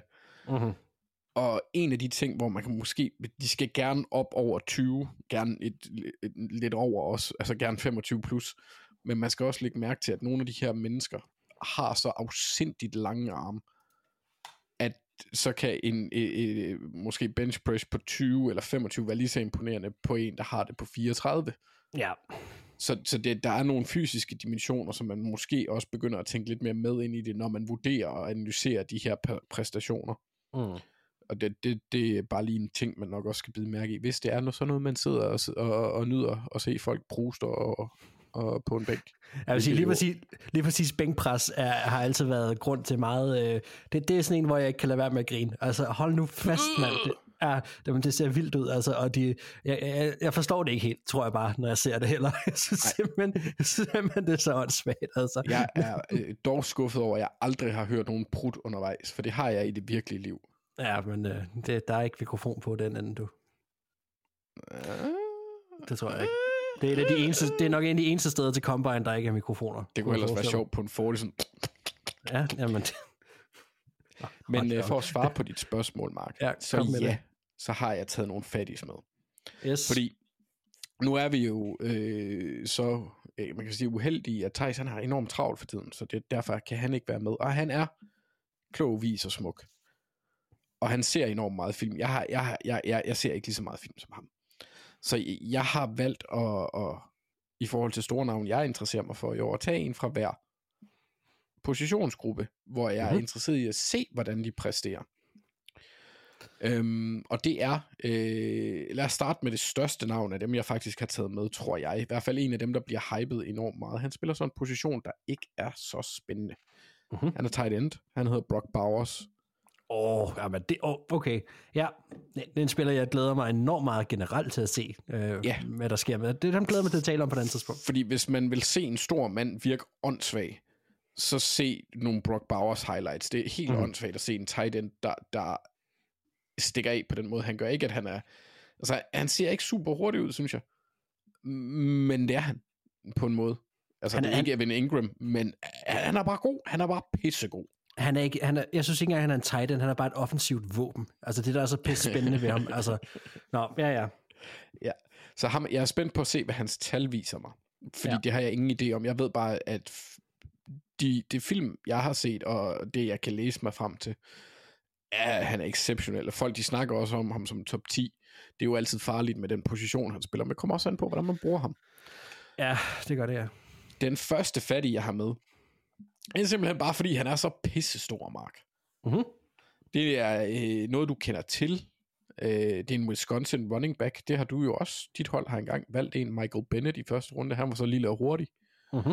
Ham her, han vejer 247, eller 245 til 247 pund, er 6 fod 2 højt. Det, det ved jeg ikke, 1,88-ish. Okay.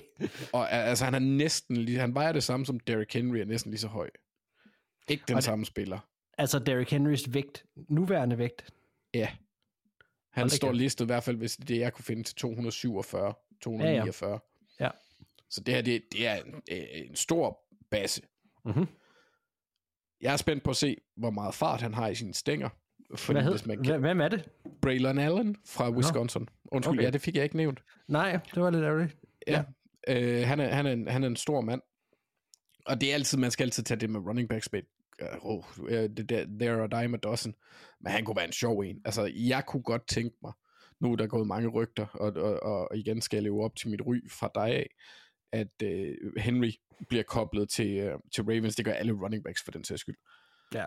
Men en spiller som ham, hvis han, jeg ved ikke, hvor han ender, men hvis han bliver taget i tredje, fjerde runde, måske bliver han nok taget højere, hvis han præsterer godt, så kunne jeg godt tænke mig at have sådan en, en, en bullerbasse. Det kunne jeg godt tænke mig. Mhm. Men, men Mark, min absolut favorit, absolute favorit, Ja. det er Tavondre Sweat. ja. Øh, han er kæmpestor, Mark. ja, Og- fra, fra Texas. Ja, for, uh, defensive tackle fra Texas. Han er egentlig det, den anden bedste defensive tackle, de har. De har en, der hedder Byron Murphy, den anden, som er meget mere voldsom. Men som man også mm. kan se, hvis man følger Thijs Joranger, da han lavede den øh, rapport på ham inde på draftbeat.dk, hvor jeg også vil anbefale folk at gå ind og læse, de har fået det til at køre igen. Øhm, så der ligger rapporter derinde, han er en stor basse. Han taggede mig i opslaget, fordi ja, han ved, at jeg har en... Øh, øh, jeg ved, det er lige før, jeg vil sige, at det er en kink, Mark, men det er det ikke ja. helt, for det er ikke seksuelt, men det er sat med tæt på, du. En fetish. Ja, ja, det er det sgu lidt. Han vejer, han vejer 365 kilo, det er altså... Au, for søren da. altså, man bliver bare sulten, når man, når man tænker på det, hvis man var kannibal, ikke? All Jo, that fat. Og man skal Så- også bare sige, vi bliver nødt til lige at slå fast os her, det er jo sagt med al, alle former for kærlighed, det her, hvis man Oh, skulle ja, være i tvivl om det. Det er jo det, som NFL kan, det her. Det er jo, at man kan jo se, man kan se en, en spiller som Tyreek Hill, og, og så en spiller som for eksempel, for eksempel ham, altså være på, være på samme mm. hold, det, hører jo, det, det, er jo, det er jo meget, meget få sådan noget, her kan lade sig gøre, og derfor er det genialt. Altså, Der er ingen body shaming fra mig af. Det er rent positivt, Ja. når det er sådan noget der. Øhm, som, hvis, hvis jeg bare lige skal citere øh, altså han kalder ham et stort brød med lækker masse og god længde. Altså, det er svært ikke at sælge det som, som delikat, ikke? jo, så er der i hvert fald slået et godt brød om. Det må man sige. Ja. Og så øh, en anden spiller, det er en, jeg har hørt om i mange år efterhånden. Han kunne have været øh, øh, øh, ho- hoppet ind i draften sidste år, ville han nok måske have været top 10, top 15 valg også. En, der hedder Olaf Fasciano. Øh, jeg har forkortet hans fornavn, fordi du får mig ikke til at udtale det. Jeg er igen ikke Thijs. Og, øh, offensiv tackle fra Penn State. Man har snakket ja. om ham meget, meget længe. Jeg tror ikke, han er lige så hype nu, som han var sidste år, og det, det er igen det der med, og det skal man også passe på med, hvis man er en, der godt kan lide at læse mock drafts, hvor du kan se dem være rigtig høje på dem i rigtig lang tid, og så når vi begynder den her lidt nærgående analytiske proces, så falder de ned. En spiller som Matt Barkley ville være et fremragende eksempel, hvor mange havde ham til at gå first overall, og han ender med at blive taget i, hvad det ved jeg ikke, fjerde, fjerde, femte Mm. runde. Ja. Øh, det ser man også. Men, men ham her, han, han, han skulle gerne blive et første rundevalg, og måske endda et top 10. Jeg er spændt på at se, hvad hans atletiske profil er. Ja. Nå, men fedt. Og- Så, ja. Ja. Har du flere? Ja, jeg har mange, Mark, men jeg gør Okay. det lige hurtigt. Romo Duns, en, en stor og burde være hurtig receiver fra Washington. Øh, eller Udunze, jeg ved ikke, hvordan ja. man udtaler det. Det er sådan, amerikanerne siger det i hvert fald. Okay, fedt. Øh, det, det, ham er jeg spændt på at se, hvad han kan. Der er egentlig rigtig mange wide receivers, jeg er øh, spændt på at se, hvad han kan. Jeg har også en lidt senere, bare lige hurtigt, fordi han er, han er, han er mit første draft crush fra i år. Mhm. Øh, så er der en øh, indvendig offensiv linjemand, der hedder Jackson Powers Johnson fra Oregon. Ja. Øhm, ham snakker man rigtig positivt om, og jeg kan rigtig godt lide offensiv linjemænd på den indvendige side. Tyler mm-hmm. Linderbaum for eksempel. Super hype på den mand. Ja. Så jeg er også spændt på at se, hvad han laver i, de, uh, i agilitetsøvelserne. Og, og, og hvordan det ligesom fungerer, for jeg mener ikke, han er en stor center. Øhm, han er robust, men han er væsentligt mindre end for eksempel til Vondre Sweat, og så ved jeg ikke, hvor seriøst man kan tage det vel. øhm, Nej. Nej, og så har jeg øh, Layatu Latu øh, fra, fra UCLA, en edge-spiller, som jeg også er enormt spændt på at se. Jeg kan godt lide de der, øh, hvad det hedder, Pacific spillere. Jeg synes, der er mange af dem, der er gode. Ham er jeg spændt Ja. på at se, hvad han kan. Han har, han har, han har været god hos øh, UCLA. Jeg har ikke set så meget film, jeg har ikke set noget med ham her, men jeg har hørt om ham, og det, det, det, det betyder allerede rigtig meget. Så er der Terrion Arnold, som er cornerback fra Alabama. En meget atletisk, øh, spændende profil, som, øh, som Thijs også er glad, sådan nogenlunde glad for. Altså han har spillet safety, han er, øh, så han er noget mere fysisk, og måske også lidt mere robust. Thijs, han skriver ikke skinny. Det er så lækkert. ja. Øh, og en god tackler, ikke? Han er ikke bange for at, at, at, at blande sig. Så øh, ham er jeg spændt på at se, hvad han kan i forhold til hans øh, ja, atleticisme. Hvis man, hans atletiske evne, jeg kan ikke lide det ord. Nej, men det er, det er også et mærkeligt ord, ja.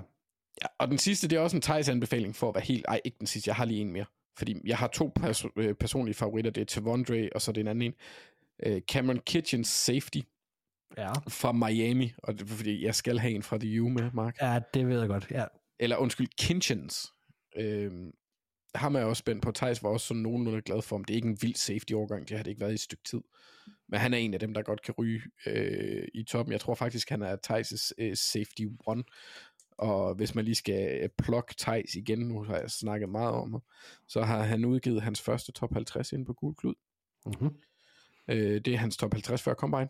Og Ind- øh, Ind og få læst den. ind og få læst den. Og man kan finde ham på Twitter, han har lagt den op i dag. Du kan finde den inde på Gul Klud. Øh, den er fremragende selvfølgelig fyldt med fejl, fordi Tavondre Sweat ikke er nummer et. Det er jo fuldstændig latterligt. Øhm, jo, han har faktisk, øh, han har, uh, han har Ule Muiva Fashano hedder han. Det er Thijs' øh, offensive tackle number one. Yes. Og Tyrion Arnold er hans øh, cornerback one. Og så tror jeg også, at Kinchens han er hans safety one. Så, øh, åh, det er han. Øhm, det, dem, dem glæder jeg mig til at se, hvor, hvor, hvordan de præsterer. Og så Mark. Navnet. College. Præstationen. Lad McConkey. Ja, Wide receiver fra Georgia. og det er jo med dobbelt D. Ja, og dobbelt Ja. C, tror jeg faktisk også. En Bulldog-spiller, ja. Ja, og som man kan høre på navnet, så er han hvid. Mm-hmm. Øhm, så man tænker jo sikkert et typisk slot, og det er nok også der, han kommer til at være med. Han, han er sjov, og så har han bare et fremragende navn. Overraskende atletisk, og øh, sådan en fin størrelse. Han er ikke, er ikke kæmpe stor, han er 6 fod høj, men det er jo heller ikke lille. Men øh, han er en spiller, jeg også glæder mig til at se. Det er mere øh, three cone, og så øh, eksplosionen i de første 10 meter, der hvor hurtig han er på starthullerne, og hvor god han er til at skifte retning. Det bliver skidespændende at se, fordi jeg tror, han, af hvad jeg har set, og hvad jeg kan læse mig til, kommer han til at arbejde ind i midten, som slot primært, men han har også farten til at kunne tro dybt. Så jeg er, bare, jeg er spændt, spændt på at se, hvad han præsterer i sidste ende. Super spændt på at se, hvor han går. Øhm, ham, ham kan jeg godt lide. Øh, Mhm. Ham er jeg meget spændt på. Ham har, jeg, ham har jeg været glad for i halvandet år nu, efter jeg fandt ud af, at der var en, der hed Lad McConkey. Og han ligner en, der hedder Lad McConkey også, Mark. Ja, okay. Jamen, øh, jeg er spændt på, om vi kommer til at se øh, Kool-Aid løbe. Ja, Øh, McKinstry. Yes, det... Og, og, og no shit, det er hans Er, er, det, er det hans navn? Altså, jeg er meget... Det, jeg, hver gang jeg ser, jeg tænker, det kan ikke være rigtigt, men det er, jo, det er jo sådan, det bliver omtalt. Han hedder jo noget til fornavn også. Uh, jeg ved simpelthen ikke, om det er... Uh, Nå, han hedder Jack Quincy. Nej, det er et kælenavn. Ja, det må det være, men han, det, hvis du ser det alle andre steder, og også på NFL mm. Network og alt muligt andet, der står bare Kool-Aid McKinstry.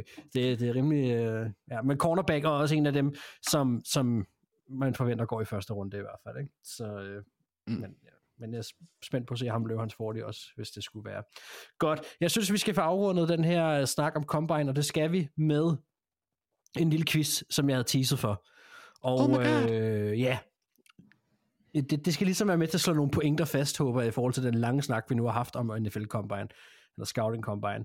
Og nu giver dig nogle øh, stats og nogle facts omkring et Combine-resultat, og så skal du se, om du kan fortælle mig, hvilken spiller det er.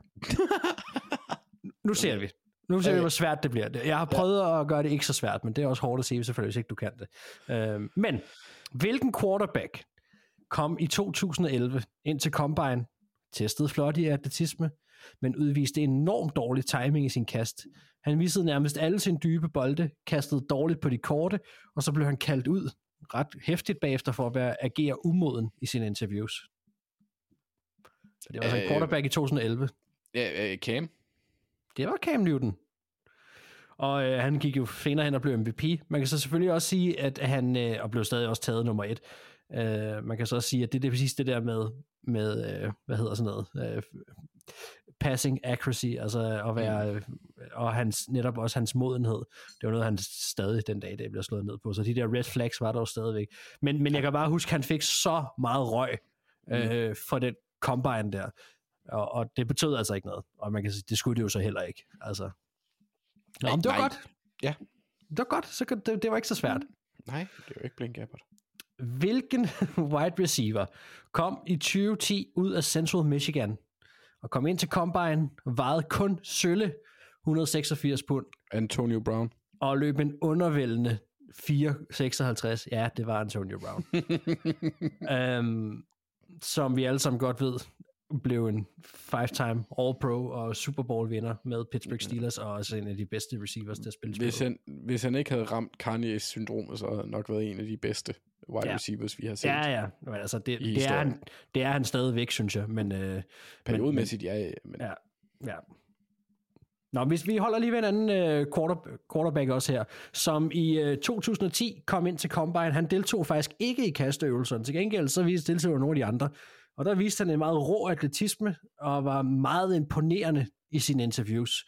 Og så var det den her øh, kombination af hans atletiske formåen og hans IQ, eller i hvert fald charme, til de interviews, der efter sine var en stor del af grunden til, at et hold senere draftede ham i første runde. nej, stop, det er ikke Tim Tebow, vel? Det var Tim Tebow. Åh, oh, gud. Jo, Ja. lige præcis. Jeg tror, en af grundene til, at han blev draftet i den første runde, det er, at Josh McDaniels er en padhat. Men øh, han havde jo lige et lille godt run med noget Pittsburgh Steelers, øh, og øh, det var ligesom det. Eller han havde han kastet en god slant. Det var Ja. det. Så jeg havde med min for. Slant boy, du. Ja. Nå, men, men, men- jeg synes, vi kan den kamp kan vi godt snakke noget mere om, og så B. Nej, nej det er lige meget, Thijs lytter ikke jo. Nej, præcis. Nå, Hvad er det der, når han ikke er? Ja, vi skal, Men- jeg skriver til ham, at vi har snakket om det. Ja, det synes jeg, du skal gøre. Mm. Og så har vi en wide receiver, som kom ind til Combine med, ja, jeg vil sige, kun en eller et, særligt i hvert fald, ud af tre gode år i college. Altså et, et særligt godt år, ud af de tre, han var i college. Øhm, til gengæld var den sidste også ret godt. Øh, til Combine, der slog han for alvor sit navn fast ved at slå en ni år gammel rekord og blive taget mm. i første runde. John Ross? Det var John Rush, ja, som slog øh, og er stadigvæk øh, øh, nummer et øh, i Jeg tror, jeg skriver til 40 yard Mathias, at vi har snakket om det. Ja. Han øh, var jo ude af NFL, inden han var 26, og øh, det, det endte aldrig nogensinde med at blive sådan noget. Men sige, nogle af de her spillere, vi lige har snakket om nu her, det har jo netop været øh, noget, der ligesom vil sige, hvis man skulle have dømt alene ud for Combine, og hvis det var det, man valgte spillere for, så skulle Tim Tebow jo være den største stjerne nærmest i NFL's historie. Så, øh, så den kan man også tage at føle på. Øh, så har jeg lidt en anden ting. Hvor mange kan du nævne for top 5 over hurtigste fa- 40 yard dash times nogensinde? Der er jo top 5. Hvor mange kan du nævne af dem, der er på den? Øh, John Ross? Han er nummer et. Den har vi lige haft, ja. Ja. Og så tror jeg måske, jeg er lidt blank, øh, for at være helt ærlig, m- med det er også okay. Det er også okay. Der er nogle cornerbacks, men nej, igen, det er fordi min, ind, min indre øh, hukommelse her, den husker dem præ-John Ross-agtigt, hvor det er sådan mm. en eller anden random cornerback. Ja. Øh, nej, DJ Tønder. Ja, nummer 4. Han løb 4,26. Altså John Ross løb 4,22. Og, og DJ, DJ Turner gjorde det i 2023. Ja. Hvad med Tyreek? Nej. Nej. Og heller ikke øh, Chris Johnson. Jo, Chris Johnson er stadig nummer 3, men øh, med f- 4-2-4 i 2008. Det var jo faktisk ham, som øh, John Rush slog til at starte med. Senere er der dog en, der er kommet op lige op over. Hmm. Og det er en random quarterback, han har sagt, det er Kalen Barnes. Og så havde vi Dry Archer som running back, som ligger sidst med 4-2-6, og Kalen Barnes løb 4-2-3. Det var- det var- Det var faktisk ham, jeg tænkte på, Dre Archer, der er han, var running back, var han ikke det? Jo, han er running back. Eller, ja. eller øh, offensiv våben. Ja. Det er også bare for at sige, at øh, udover Chris Johnson her, så har vi fat i nogle navne, som hvis det alene var den her 40-yard dash, der skulle ind og vise, hvad man er som spiller, så kan du ikke bruge den til særlig meget. Og så har jeg den aller, aller sidste til dig, og det skal mm. du bare øh, sådan set svare om. om, om det, det, det, er lidt, det er lidt mere åbent det her, men øh, Mm. hvad tror du, at de her spillere, jeg nævner nu, har haft til fælles? Og vi snakker selvfølgelig omkring NFL Scouting Combine. Antonio Gates, Tyreek Hill, James Harrison, Wes Welker og Julian Edelman. De var De ikke al- inviteret. Præcis. De var nemlig ikke inviteret til Combine i sin tid. Der var selvfølgelig også et par af dem her, som ikke blev draftet overhovedet. Øh, men øh, det siger også bare noget om, at øh, selv hvis man ikke engang bliver inviteret til Combine, så kan man stadig godt have en karriere i NFL, som betyder noget. Og, og igen, Mark, vidste du, hvem der øh, signede James Harrison som undrafted free agent? Altså, hvilken person eller hvilken klub? Klub. Jamen, var det ikke... Øh... Var det Ravens? Ja, det var så. Ja. og, nu, og nu skal jeg nok stoppe. Han er til, til den dato i dag stadigvæk den spiller, jeg vil være aller, aller mest bange for at stå over for. Han er yeah. det mest uhyggelige, jeg nogensinde har set på en fodboldbane. Hvis du er ny NFL-seer og ikke kender James Harrison, skynd dig lidt ind og find en masse highlights. En enormt fed spiller at se, mm. men damn, hvor er han også uhyggelig. Altså. Altså, En body cop film med ham og Marshawn Lynch ville være hilarious. ja, det ville det, ja. Han ville i hvert fald være rimelig god som straight man. Ja. Nå, jamen øh, lad os hoppe videre til næste emne. Og det er det her øh, franchise tag. Og øh, igen kommer det ud af et spørgsmål, som jeg også fik, om vi ligesom kunne snakke lidt om et NFL tag, hvad det egentlig er. Øhm, og et NFL franchise tag er jo en etårig kontrakt, som et hvert NFL-hold har lov til at give én gang per offseason til en af deres spillere, som står til at blive free agent. Øh, og det er altså en garanteret aftale med en fast pris, så der kan ikke forhandles løn på et tag. Men, og man kan tagge øh, i den her bestemte periode, som hedder den 20. februar i år til 5. marts. Og det er ligesom det, der ligger i 2024. Øhm, og altså, det er meget sjovt, fordi franchise tag er faktisk, øh, det er 30 år gammelt tiltag, og nu går vi lidt tilbage til starten af programmet, hvor vi snakkede lønloftet, og hvornår det kom ind. Fordi franchise tagget springer faktisk ud af den aftale, der blev lavet i 1994, hvor det her salary cap blev effektueret. Så spillerorganisationen, de vil gerne på det tidspunkt have et, det, der vi i dag kalder som free agency for deres spillere, og man kan sige, at ejerne stod så og trak den anden vej og sagde, at vi vil gerne have indført noget, der hedder salary cap, så det ikke stikker af det her. Men så havde vi Broncos ejer på det tidspunkt, Pat Bowlen, som var, øh, han var sgu lidt bange for det her free agency.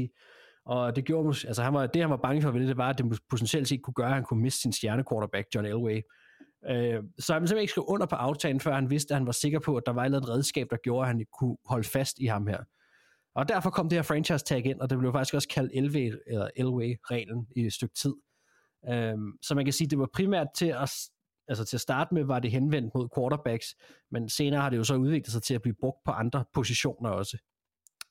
Det korte og lange er, hvis ikke man tagger en spiller, altså en kommende free agent, eller bliver enig om en ny kontrakt, jamen så må man jo lade spilleren teste markedet. Og der er altså to typer af tags, vi arbejder med her. Der er exclusive og non-exclusive. Og i det exclusive tag, det ligger lidt i ordet exclusive, så det gør det simpelthen umuligt for en spiller at forhandle med et andet hold. Øh, og måden man så udregner lønnen til det tag, er ved at tage gennemsnittet af de fem bedste lønninger på spillerens position i løbet af det indeværende år, eller 120% af spillerens tidligere løn, alt efter hvad der er højst. Og det er jo selvfølgelig Spillerforeningen, der har sørget for det her. Så har vi de ikke-eksklusive tags. Og det giver så en spiller mulighed for at forhandle med andre hold. Hvis en spiller på et ikke-eksklusivt tag accepterer en aftale med et nyt hold, så kan det oprindelige hold, altså dem der er placeret tagget, matche eller nægte øh, og så blive tildelt to første rundevalg som kompensation, hvis man altså lader det gå igennem. Øh, lønnen på et ikke-eksklusivt tag bestemmes af gennemsnittet af de fem bedste lønninger på spillernes position, for de foregående fem år, øh, og så altså selvfølgelig inden for øh, det nuværende lønloft. Eller 120% af spillerens tidligere løn, alt efter igen, hvad der er højst, så det er i spillerens interesse. Og man kan sige, at den her kombi- kombination af billigere løn og den høje pris på de to første rundevalg, har gjort, at det her non-exclusive eller ikke eksklusiv tag er den mest populære mulighed at bruge. Øh, og vi ser også øh, hold bruger de her tags som en forhandlingsstrategi til at trække store handelstilbud ud af andre hold. Og hvis man har fulgt med i NFL nogle år, så har man nok opdaget, at øh, man kan blive tagged mange år i træk, men at tagget så vil blive dyrere. Øh, for bliver man tagget igen, så et år efter, så er, der, er man garanteret som spiller en minimumstigning på 120% af det, man fik sidste år, som i forvejen var det.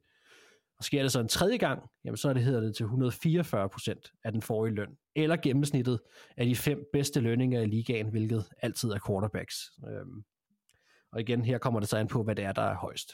Så det er jo, på et eller andet tidspunkt bliver det ufavorabelt.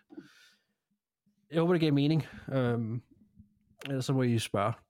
Men Anders, de her tags, altså, hvis vi skal komme lidt ind på det der med, hvorfor det giver mening at tagge, hvis det gør det, frem for for eksempel at forlænge en kontrakt.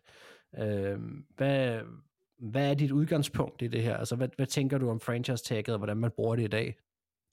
Jeg synes, hvis man ser overordnet om franchise tagget, jeg synes, det giver ejerne en alt for stor fordel. Øhm, i forhold til at beholde og holde på spillere, de måske ikke er villige til at satse på på lang mm. sigt. Øhm, og det er også det, man ser. Øh, det, det, hvis du for eksempel er en uh, running back, der bliver taget i første runde, hvor det er også typisk, vi så det sidste år med Josh Jacobs og Saquon, der fik tagget, så bliver du taget i første runde, så har du fire år, så har du en femte års option, og så har du et tag, det vil sige, du får rammer først markedet efter år 6. Mm. Og i en liga, hvor gennemsnitslængden på en karriere er 3,5 år, den er endnu kortere for running backs, så, så, så er det jo problematisk.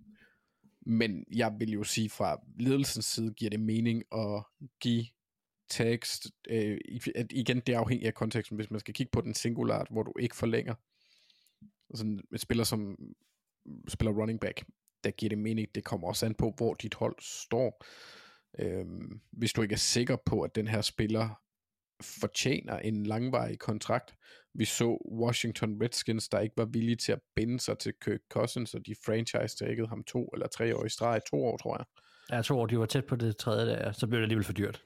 Ja, og, med, og det, jo også, det, er det jo også derfor, han er i Business Hall of Famer, fordi han får fandme garanteret mange penge. Det er jo mm-hmm. det, der er ved, ved franchise tag, det er, det fuldt garanteret.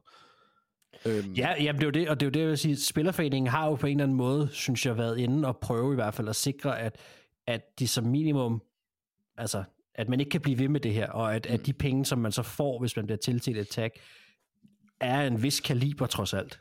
Altså, ja, ja. Og man, man, man, man kan jo også se det som, hvis vi ser det sidste år, øh, Ravens og Lamar øh, kunne ikke nå at blive enige. De giver ham et non-exclusive tag. Det vil sige, de giver ham muligheden for at teste markedet og se, hvad vil andre klubber give for ham, samtidig med, at de sætter barn rimelig, fuck, undskyld, rimelig højt, netop på grund af prisen. Og det vi så sidste år, det var, at vi så en masse klubber, der havde en fornemmelse af, at Ravens ville gå ind og matche et hvert tilbud. Mm. Fordi man kan ikke gøre ligesom øh, Vikings gjorde, da de hentede Steve Hutchinson. Jeg tror, det var i 2005 eller sådan noget. Ja, det skal hvor, nok passe, ja. Ja, hvor man lægger en klausul ind. Da han havde, for, for Hutchinson var den specifikke klausul, at han skulle øh, være den bedste. Hvis han ikke var den bedste øh, betalte offensiv linjemand, så ville det trigger en eller anden fuldstændig afsindig bonus. Og der havde Seahawks jo øh, den legendariske Walter Jones på venstre tackle, og hans kontrakt var jo naturligt højere end hans mm. meget dygtige guard-kammerat. Så derfor fik, øh, blev, blev, blev Seahawks lidt straffet, altså, og Vikings fik en fabelagtig spiller. En det dejlig har- bamse. Ja, og det har NFL jo så elimineret. Mm. Øh, så det kan man ikke længere. Og det jeg vil sige med det, det er, at så så vi øh, i min optik mange hold, der ikke vil gå ind og lave forhandlingen for Ravens. Jeg mener også, at det faktisk var en Seahawks-spiller. Nu bliver jeg simpelthen i tvivl, jeg kan ikke huske, hvem det var. Men jeg mener, det var en Seahawks-spiller, der faktisk var med inden over, at, at blive, fordi han blev tagget tre gange. Øhm, at man så gik ind simpelthen og sagde, okay, vi bliver simpelthen nødt til at lave en radikal ændring, hvis det bliver, hvis det bliver en tendens, det her. Altså, og der indførte man jo så efterfølgende dem det der med de 144 procent af forrige, eller gennemsnit af de fem bedste lønninger i ligaen, mm. altså af, af positioner, ikke? Uh, så man kan sige, det, det bliver jo værre og værre, og jeg har det sådan lidt, at et franchise tag, det kan vi også snakke om, hvordan man bruger det nu, det er jo også lidt en måde nogle gange, hvis ikke du kan nå en forhandling, altså hvis du ikke Ja. du kan nå at, at, at, at, at, få en kontrakt på plads, så er det en måde at sige, hey, okay, vi slår lige bremsen i, nu får du et tag, øh, og så må vi se, om vi kan finde ud af det. Men Men du så skal har blive... du indtil september. Ja, præcis. Altså kan man sige, du, du har jo både meldt ud, at du gerne vil have personen i klubben, øh, men også at, øh, at, at, at man ligesom køber noget mere tid til ligesom at tage den her forhandling. Ikke? Og, og, Du kan, du kan, hvis man vil tage et eksempel fra i år, så går der rygter lige nu om, at Ravens plan med Justin Matabuike, øh, der havde sin gennembrudssæson, det er, at øh, hvis de ikke når at, at forlænge ham inden øh, den deadline, der ligger her, nu kan jeg ikke helt huske specifikt, hvornår det er, men det er snart, så tagger de ham, inden tag deadline slutter.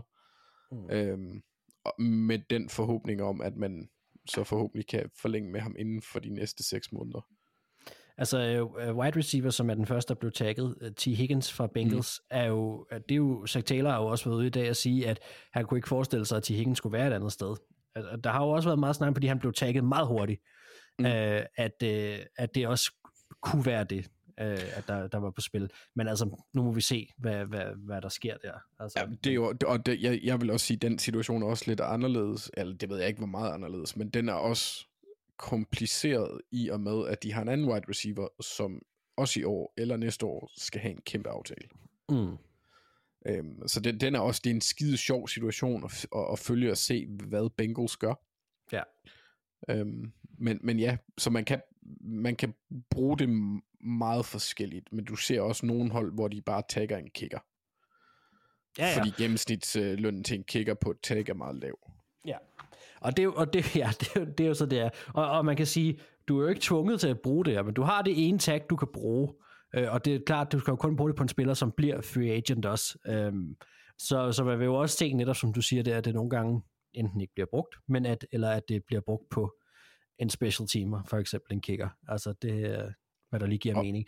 Og det er jo også der, hvor man kan sige, at det har udviklet sig fra at være et, en, en Elway-regel nærmest, til at man er begyndt at spekulere meget mere i det, og det har fået en meget større indflydelse, øh, end bare lige at, det, at sikre sig sin quarterback. Jamen, altså hvis vi bare kigger på sidste år, så var det jo tre running backs, Lamar, Evan Ingram og Daron Payne, øh, defensive Mm. mm. tackle fra Commanders, der fik øh, tagget, og Daron Payne, Ingram og Lamar, de fik en langvarig kontrakt. De tre andre, Tony Pollard, Josh Jacobs og Saquon, de spillede deres, øh, på deres tag. Og det, det, det tror jeg egentlig, kan man se, også er en tendens fra, fra ligaens side i forhold til running backs. Det er en måde ligesom at, at få det bedste ud af dem, uden at binde sig. Det er meget blevet en running back ting, ja, fordi man ligesom siger, okay, de har ikke så mange år på højt niveau, eller i hvert fald på så stort niveau, at vi ikke kan finde en anden. Øhm, og, og så æder man det, det nu koster på kappen. Det er jo så til gengæld også det, det må man så også bare sige, det er jo ikke alle, der bare lige kan tillade sig at gøre de her ting altid, også fordi selvom at, at, at, at de fleste klubber har noget rådrum, så er det en ting på salary cap'en, du ikke kan gøre noget ved. Så det er ikke, du kan ikke massere det her på samme måde, som hvis du har, øh, hvis du har en kontrakt med en signing bonus og alt muligt andet. Det tæller, hvad det gør det ene år. Så du skal også have råd til at gøre det her. Og det kan altså godt være dyrt at tagge nogle af de her spillere. Så, så det er jo ikke bare lige sådan heller. Nej, og det så vi jo for eksempel med Lamar. Jeg mener, at det var, det var 34 millioner eller sådan noget, han ville stå på på, tag, øh, på tagget for, for salary cap'en øh, sidste år, øh, Mm. hvis han ikke havde underskrevet den der kontrakt. Øh, og så, så kunne de jo så, der, der blev det jo, øh, hans cap number var to- 22 millioner, ikke? men han fik en signing bonus og nogle garanterede penge og sådan noget. Jeg tror, jeg endte med at få 85 millioner eller sådan noget sidste år. Hold da op, mand. Fuldstændig vanvittigt. Ja. Så. men okay, men så lad os lige, nu har vi, nu har vi lige kredset lidt omkring det her med running backs. Vi har allerede også fået nævnt det første tag, der ligesom landede i T. Higgins. Mm. Øhm, vi har fået et spørgsmål fra Jakob Nord Larsen, som, som ikke nødvendigvis røg under her, men nu synes jeg, det giver mening at tage det her faktisk. Øh, fordi han spørger, med flere prominente running backs, om end nogen ikke længere i deres prime på markedet, og en stort fremgang i salary cap, forventer I så, at disse running backs, som har klaget over lønnen, inden de får en stor kontrakt, plus 13 millioner, skriver han, i flere år, eller er NFL blevet en forkastet liga? Og grunden til, at jeg tænker, at vi tager det her med nu, det er jo, fordi det er jo ret markant meldt ud, at de her store running backs ikke bliver tagget i hvert fald. Josh Jacobs, Saquon, Austin Eckler med flere, det er ligesom blevet rapporteret inden for, du kan, det er både på NFL.com, men også alle de der insiders, at man planlægger ikke at bruge tags på de her running backs i år. Også fordi, det skal vi jo tænke på, de blev tagget sidste år, det vil sige, deres prisen for at tagge dem anden gang bliver højere. Præcis. Ja. Uh, Saquon og Jacobs, ikke Eckler. Nej, nej, men, men yes, mm. de store navne der, ikke? Øhm, ja. og, og, øh, altså man kan sige, det Jakob spørger om, er jo også, handler jo også lidt om noget andet. Men jeg synes bare, det var lidt interessant nu her, når vi netop begynder at berøre de her øh, running backs, og, og om de måske ville være blevet tagget, hvis det var første gang og sådan noget nu. Altså, fordi det, det tror jeg nu sådan set, øh, at sådan en som Josh Jacob øh, vil måske være, altså ligesom han blev sidste år. Øh, jeg har svært ved at se og forestille mig, at, at de her spillere øh, kommer til en klub, der har tænkt sig at betale dem så mange penge, som de er glædet over. Og, og om det der med, om NFL er blevet for kastet end liga og så videre, en ting er det der med kastet men det, handler egentlig bare om, at positionsværdien radikalt har ændret sig, eller har ændret sig over en, øh, en, et, stykke, et stykke tid. Og, og der running backs har trukket det korteste strå, øh, og det, jeg kan ikke se, at det ændrer sig. Øh, det, øh, og det, er også, det har også været meget markant, fordi de har været store stjerner i NFL. Det er jo ikke, fordi de heller ikke har en stjernestatus. Lønnen afspejler det bare ikke på samme måde. Og jeg kan ikke se, at der skulle have ændret sig noget, der gør, at, at jeg tror på, at nogle af de her spillere kan trække det. Og et andet ting, jeg tror, der kan bakke det op, det er, at de her spillere er, er nogen, hvis du skal få noget ud af dem, så skal de til et hold, som er mesterskabskandidater eller har aspirationer om at være det. Og, øh, og det er ikke dem, der har det er ikke dem, der har plads i kappen. De skal lokke med noget andet mm. til de her spillere. Og det er der, jeg ser, at de har en fremtid også. Øh, og, og man kan bruge deres rutine, og det sidste er det, som de nok stadig har i tanken. Jeg ved ikke, hvad tænker du? Altså, jeg går ud fra, at det er lidt det samme, men, men, men hvad meget tænker meget hen ad vejen, det er prisen for at få måske en lidt mindre produktion for running back. Uh, altså, det, det, og det er lidt mindre. Der er ikke så stor afstand til de bedste, eller de bedre. Altså, du kan få den samme produktion fra Saquon fra et femte rundevalg, hvis du rammer rigtigt, ikke? Mm. Øhm, og man kan se, 49ers er, indtil de fik Christian McCaffrey, var et godt eksempel på, at de fik rigtig meget ud af sen rundevalg. Så øh, de skal generelt lade være med at tage spillere i tredje runde, tydeligvis. Hvis man, fordi ja. man skal lige se bort fra Trey Sermon. Men, men øh, øh, Raheem Mostert og Eli Mitchell og sådan nogle, de, de præsterer jo. Altså det må man bare give dem, når de har fået chancen, og du kan finde rigtig mange eksempler på, hvor at du har de her spillere, der går ind og præsterer. Ravens sidste år, der har vi Gus Edwards, ikke en superstjerne, men du får nok ud af ham, og han var meget enten undrafted, eller jeg mener faktisk, han var undrafted. Og Justice Hill er fjerde runde valg, og ja, altså den højeste valgte running back, vi havde sidste år, det var jo, øh, det var jo Dalvin Cook. Mm. Ikke at han præsterede voldsomt meget, men, men altså, det, det, det, Isaiah Pacheco hos Chiefs, femte runde valg, ikke? Så du kan få ja. rigtig meget produktion ud af en meget, meget mindre dyr spiller. Så og der er forskellen mellem produktionen, du får fra en elite wide receiver, til en, en medium wide receiver, bare virkelig voldsom. Mm. i forhold til det.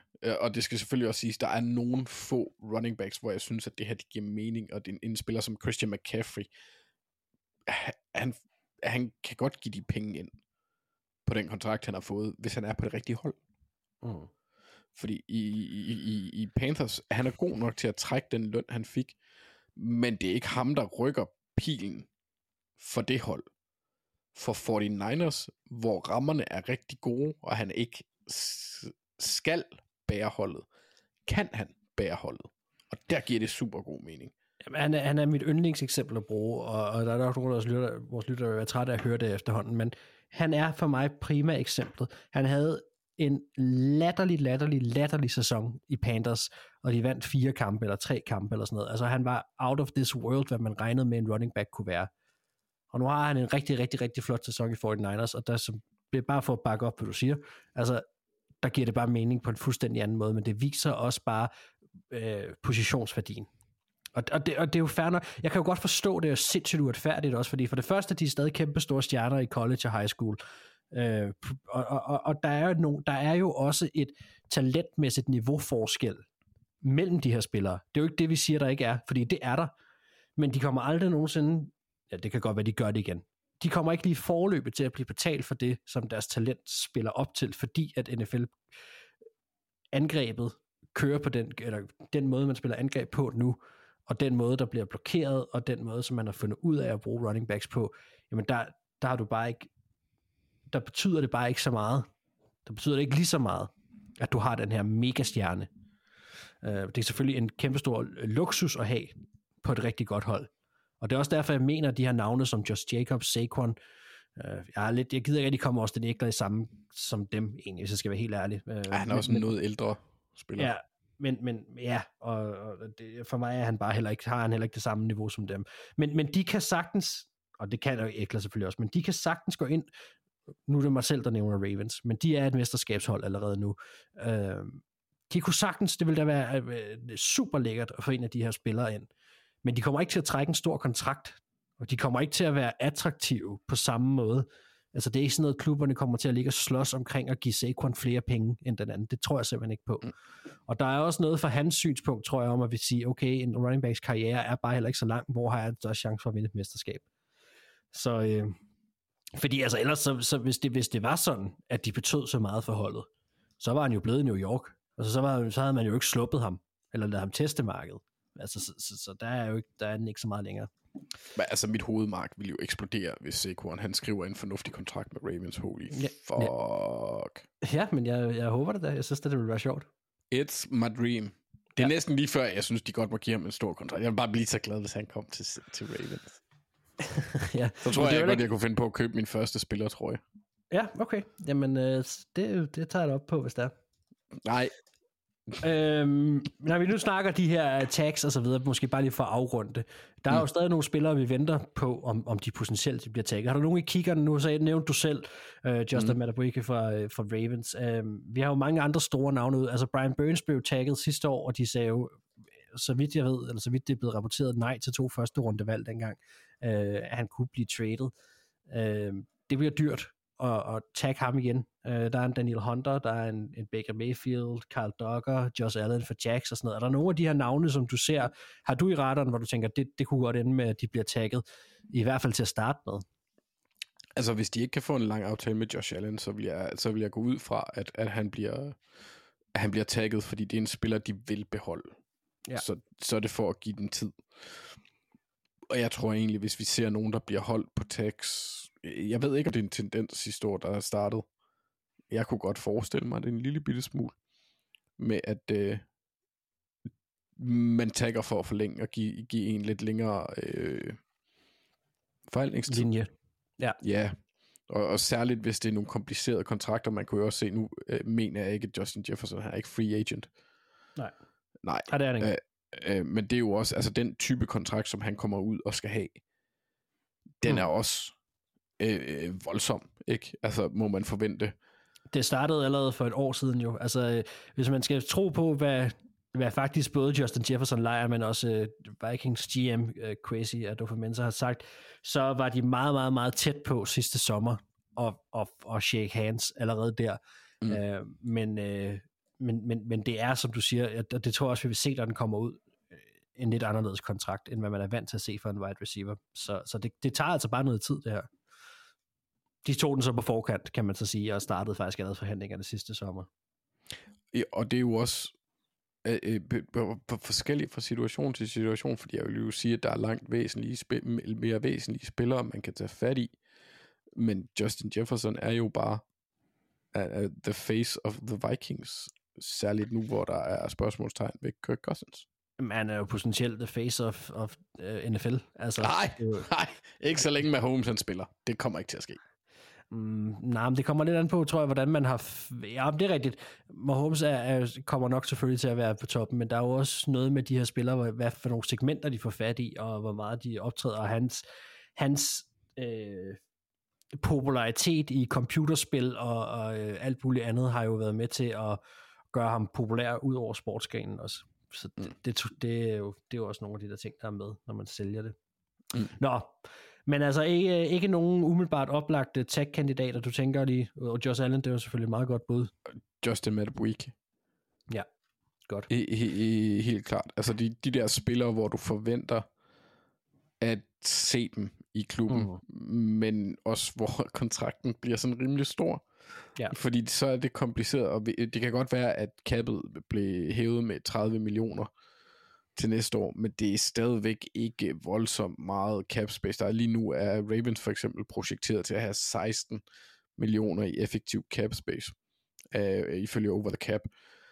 Så der skal stadigvæk ske en masse. Mm. Øh, hvis man gerne vil se kunsten af at sparke lorten ud i fremtiden, også hvis man er interesseret i salary cap, følg New Orleans Saints og hvad de ja. laver lige nu. Holy shit. Ja, der, der er there's no tomorrow med den Nej, men når Mickey Loomis han stopper, så tror jeg, de får svært ved at hy- hyre en erstatning, fordi de gider ikke sidde med det lort. Det ender, det ender med, at hele staten går bankerot, når det er, at øh, det, det, det, er, det er virkelig vildt, hvad de laver i, i New Orleans lige nu. De, de sender bare tingene ned ad vejen. Det er det der, man kalder hockeystavsmentaliteten. Ikke? På et eller andet tidspunkt kommer der en løsning, men øh, vi skubber den fremad ind til, at øh, vi rammer buen. Nå, jamen, øh, jeg synes, vi skal hoppe til det aller sidste emne. The home team has possession. Og øh, det var, som jeg teasede for i starten af programmet, øh, det der hedder salary cut kandidater. Og øh, jeg håber, I har hængt på derude. Det har været nørdet indtil videre. Øh, jeg håber også, det har været en lille smule lærerigt og sjovt at høre på. Øh, det, jeg synes i hvert fald altid, det er sjovt at lave sådan noget her. Øh, og nu skal vi altså slutte af på det her emne. Og, og det er jo spillere, man kan kotte. Altså enten så tænker klubberne, at, at, at det er en, øh, hvad hedder det, øh, der, der er ligesom de her tre muligheder, som jeg ser det. Ikke? Altså at, at enten kan det være en spiller, som er gået ned i produktion. Øh, det kan være en spiller, som, øh, som kan være kommet af en skade, for eksempel. Altså, eller ikke også, så kan det være en klubbens, hvad kan man sige, øh, ambitioner har ændret sig i forhold til, hvad de skal. De, de mangler måske, og øh, de mangler måske rigtig, rigtig meget, og så kan det være dyrt at have enkelte spillere på positioner, de ikke har så meget behov for. Øhm, eller ikke også, så kan det jo være, fordi man skal under det her salary cap, som vi snakker om i starten, som man altså skal være under, øh, fordi vi har den her hard cap, hard cap regel i, øh, i NFL.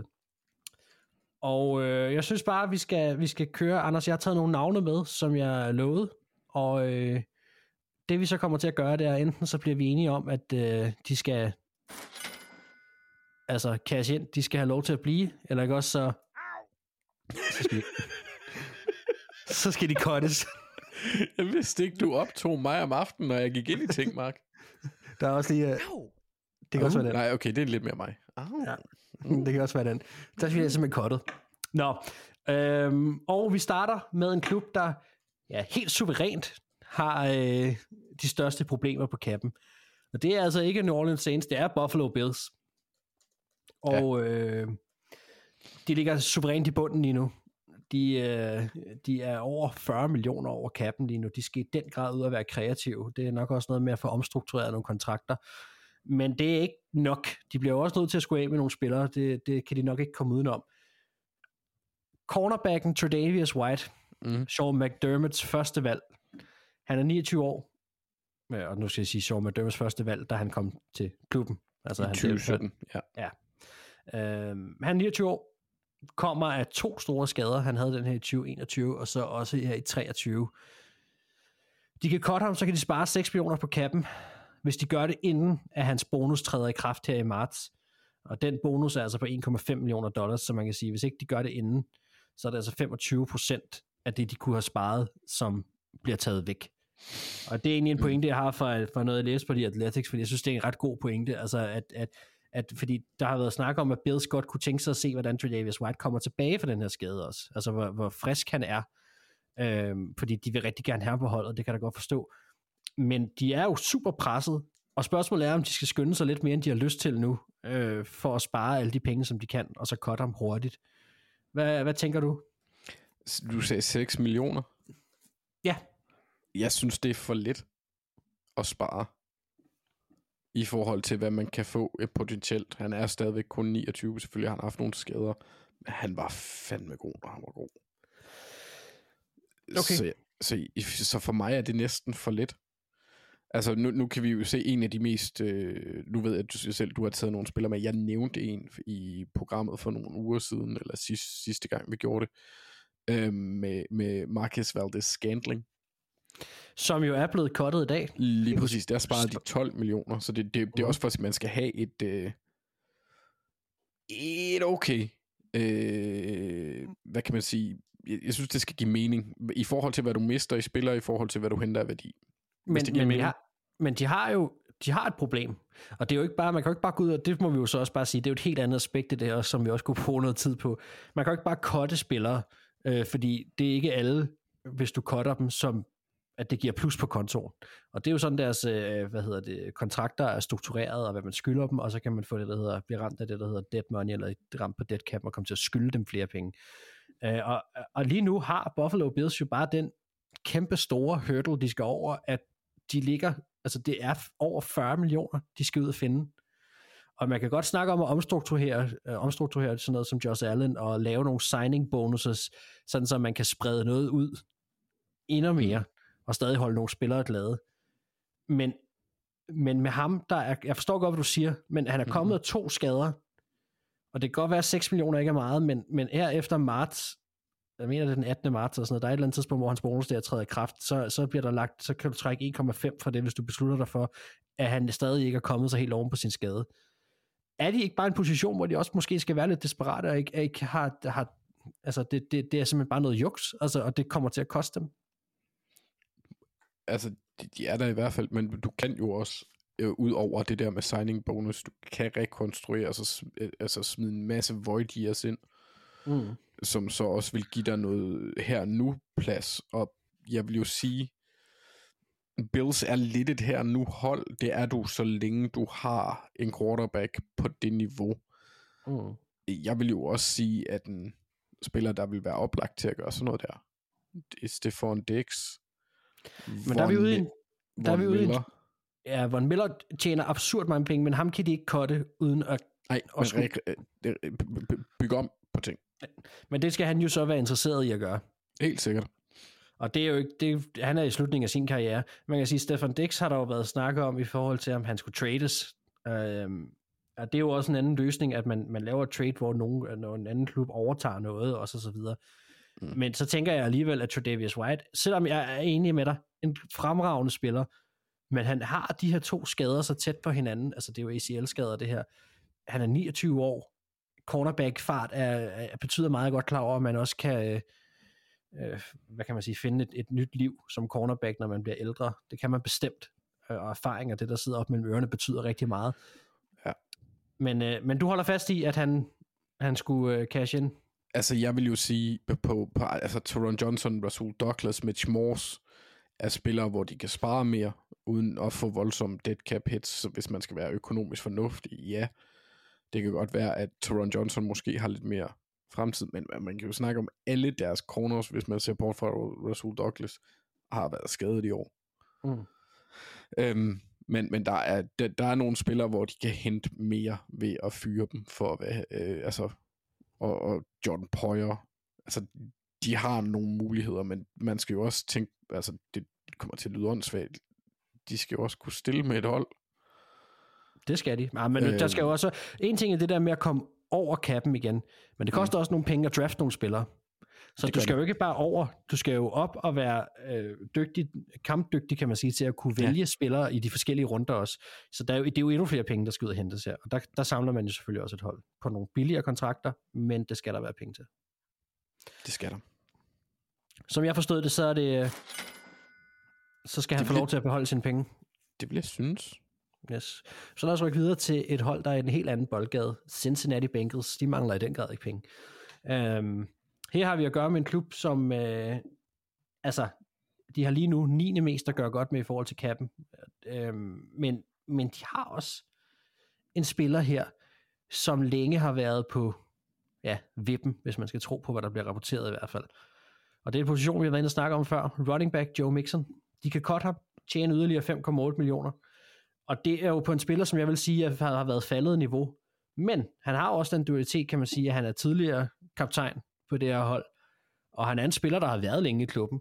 Øhm, hans 3 millioner bonus rammer den 18. marts. Så det skal jo nok være inde der. Hvad, hvad tænker vi om Joe Mixon? Ja. Yeah. Altså, jeg vil cut ham, tror jeg. Ja. Umiddelbart. Jeg er ikke fan af at investere i running backs, Mark. Det... Nej. Men nu må vi også se, hvad er hans, hans cap hit er 8 millioner. Jeg vil cut ham. Det tror Mm. jeg. Men igen, det kommer, altså det er svært at sige, fordi det kommer også an på, hvad deres plan er. Jeg kan egentlig ikke huske, hvem pokker deres backup running back er. Øh, brr, brr, brr, brr, ja, ja, okay. Chris Evans, kunne jeg forestille mig.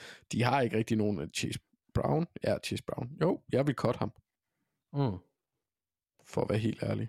Jeg tror faktisk også, de var tæt på det sidste år. Jamen det er det, han har været på vippen længe.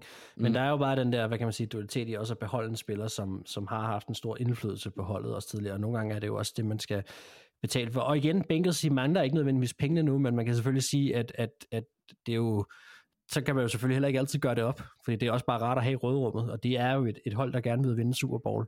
Så, så, så de kan jo sagtens bruge de her penge. Um, Altså, jeg vil sige cut ham, medmindre de bruger dem på at hente Saquon. Det vil jeg ikke kunne acceptere. Men øh, vi siger... Og, og så hopper vi videre. Green Bay Packers, de har også plus på kontoen, det er ikke meget, øh, dog. De har også din en quarterback, der skal betales. Øh, og der er alt det her selvfølgelig med, at, at, og det bliver vi bare nødt til at sige igen også, det kan vi jo ikke, det kan vi ikke bare sidde og gå ind i nu her, men signing bonuses, spredt år ud, void years, alt sådan noget andet. Der er en grund til, at det der med at lave kontrakter er noget, man gerne vil også, i forhold til at massere kappen så det betyder også noget. Men altså, de har en quarterback, der skal betales. Øhm, og så har de en enormt dygtig spiller, der har været skadesramt i rigtig lang tid. Han spiller left tackle, David Bakhtiari. Han er jo tidligere fem gange All-Pro, har over de sidste fire sæsoner spillet 25 og 72 kampe. Og det var den her skade i 2020 til træning, han fik, som han ikke rigtig kom tilbage fra. Hvor mange Øh. øh, kampe havde han spillet anden gang? 25, Og hvad? 82? 72. 72 Ja. kampe? Ja. Siden hvornår? 2020. Har han spillet 72 kampe siden 2020? 2020? Han, han har spillet 25 af 72 kampe. Nå, undskyld, Mark, det er mig, der ikke kan høre. Det er jo det, jeg sagde. Jeg er kogt. Nå. Ja, men det er jo Udover det, så bliver han 33 år i september.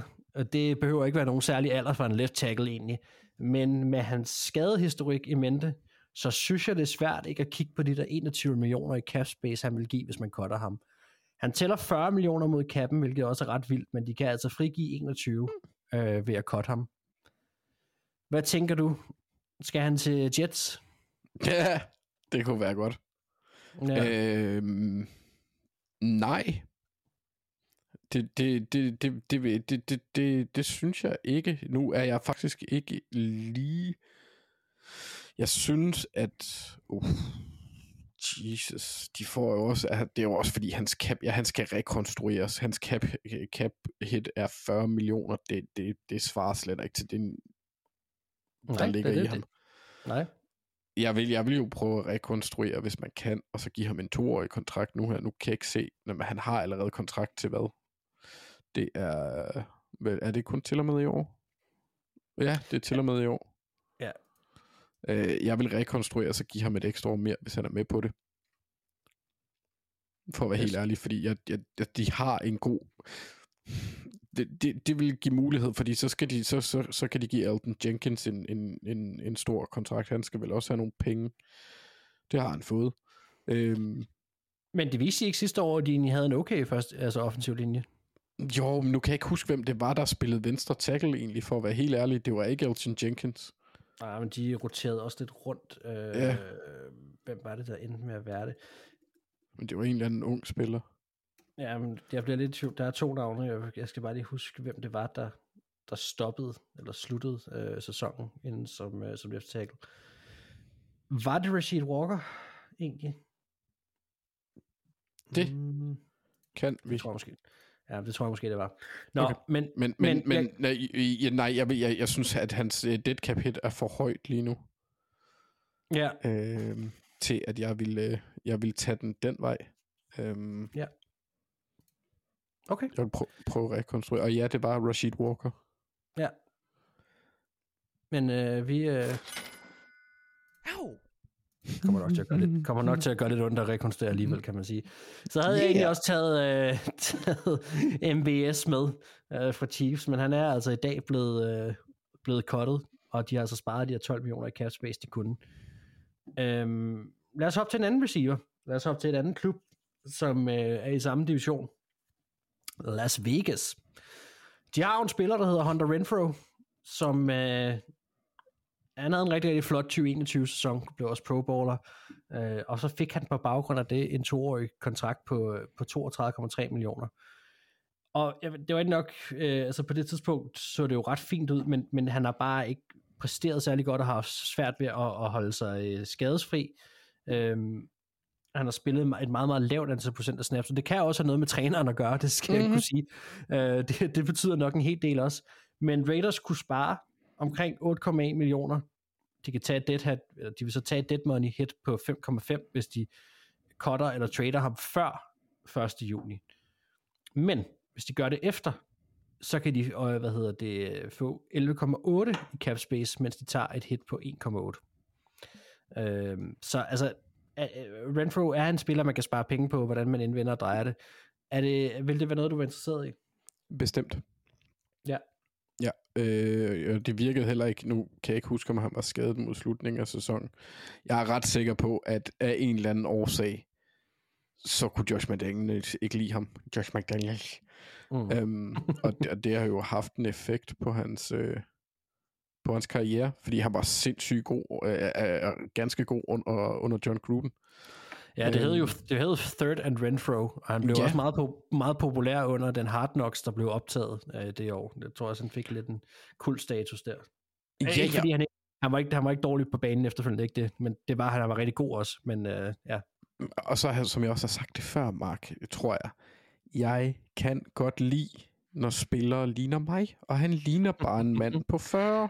Jeg er Ja, ja, ikke han- 40, men, øh, men deroppe af. Ja, det er nok. Han, han ligner i hvert fald ikke en, en wide receiver, som man lige kender dem i hvert fald, og det er jeg enig med dig i. Nå, men øh, jeg hørte det øh, klart og tydeligt, Mm. og jeg tror, det er sådan, han siger det. Godt, lad os lige bare lige nå to mere, øh, for, fordi øh, ja, det er jo den position, vi holder rigtig meget af. Safeties, jeg har taget to med. Den ene er fra Philadelphia Eagles, Kevin Byard, som de hentede ind. Øh, de, kan, de kan vinde lidt over 13 millioner, hvis de, øh, hvis de smider ham på porten. Øh, og der er ikke nogen andre øh, spillere, Philly kan, kan, hvad kan man sige, sende afsted, hvor de kan spare mere end 1,9 millioner, i hvert fald ikke ifølge øh, The Athletic. Øh, hvad tænker du, man gør der? Fyr ham. Mm. Øh, han spillede ikke godt, da han endelig kom dertil. Så jeg, jeg synes ikke, at de har fået det, de skulle have for deres investering, og han er ikke det værd lige nu. Det har jo nærmest været Titans penge, der har været brugt her, ikke? og øh, som Harry Osman kan bruge, og så kan man så sige, altså, det er det tredje højeste hit, cap hit på holdet, øh, ud over Mm. Jalen, altså lige inden, øh, det er faktisk over Jalen Hurts. Så ja, Øh, Jeg, jeg vil ikke øh, tvivle et sekund. De har nogle andre steder, de skal fokusere. Øhm, yes, jamen øh, jeg hører dig klart og tydeligt. Afsted. Og så har vi den sidste, en mand, vi kritiserede enormt meget for den her kontrakt, da den blev lavet med Seattle Seahawks, Jamal Adams. Hvis man, hvad hedder det, post, post-June, øh, post-juni er den første. Øh, 1. juni, ja. Ja, præcis.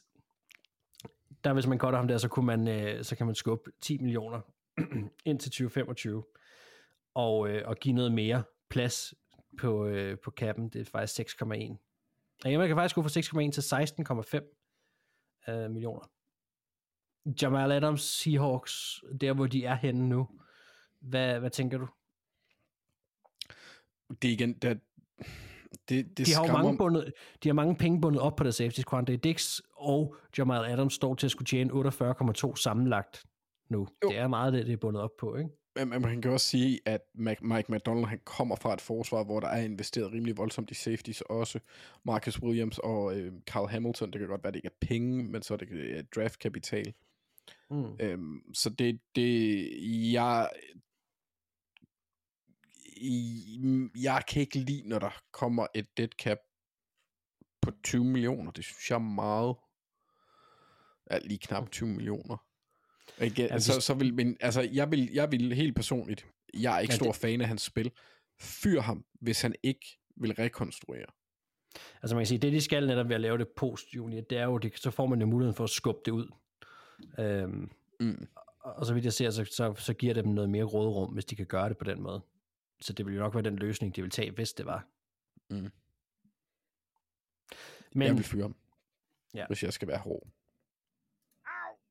Ja, yeah. men nok mere. Ja, yeah. Det lyder, jeg ved, jeg ved godt, Mark, det, lyder, det lyder som sådan noget Mathias, han kan finde den der sidste. Det lyder virkelig meget som Mathias.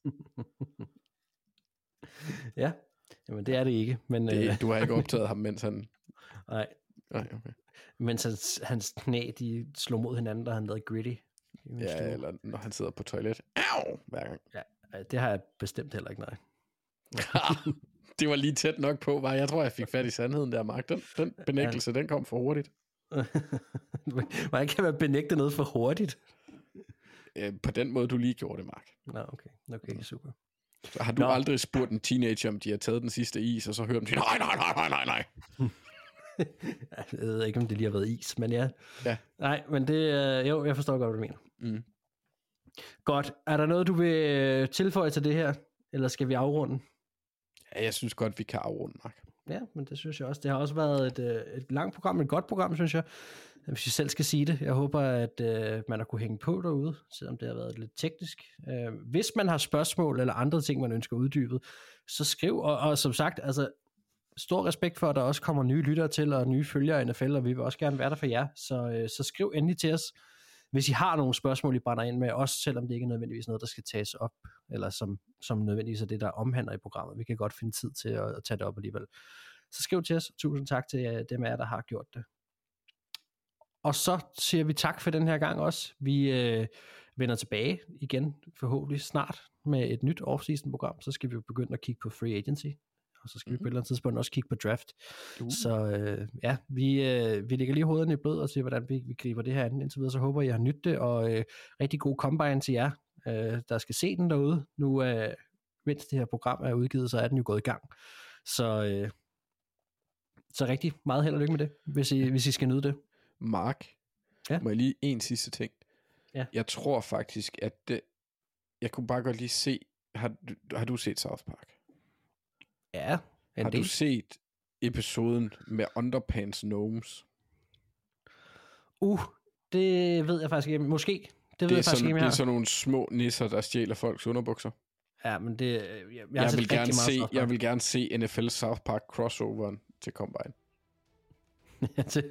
ja, undertøjsolympiaden. Ja, ja, men det giver god mening. Mm. Det, øh, Underpants Gnomes. Underpants Gnomes. ja. Godt, jamen, så fik I det, fedt at slutte af på. Mit navn er Max Karsten Våbengård med mig, der jeg har haft Anders Kaltoft. Du kan finde os inde på Twitter med mig under purpleviking.dk, Anders under Anders Kaltoft. Og gå ind og følg os derinde, hvis I har lyst til at følge med. Så får I også de nyeste øh, hvad hedder det, opdateringer omkring, hvad vi laver af programmer. Vi lyttes ved her senere på off-season. Og indtil videre, tak for den her gang. Vi lyttes ved.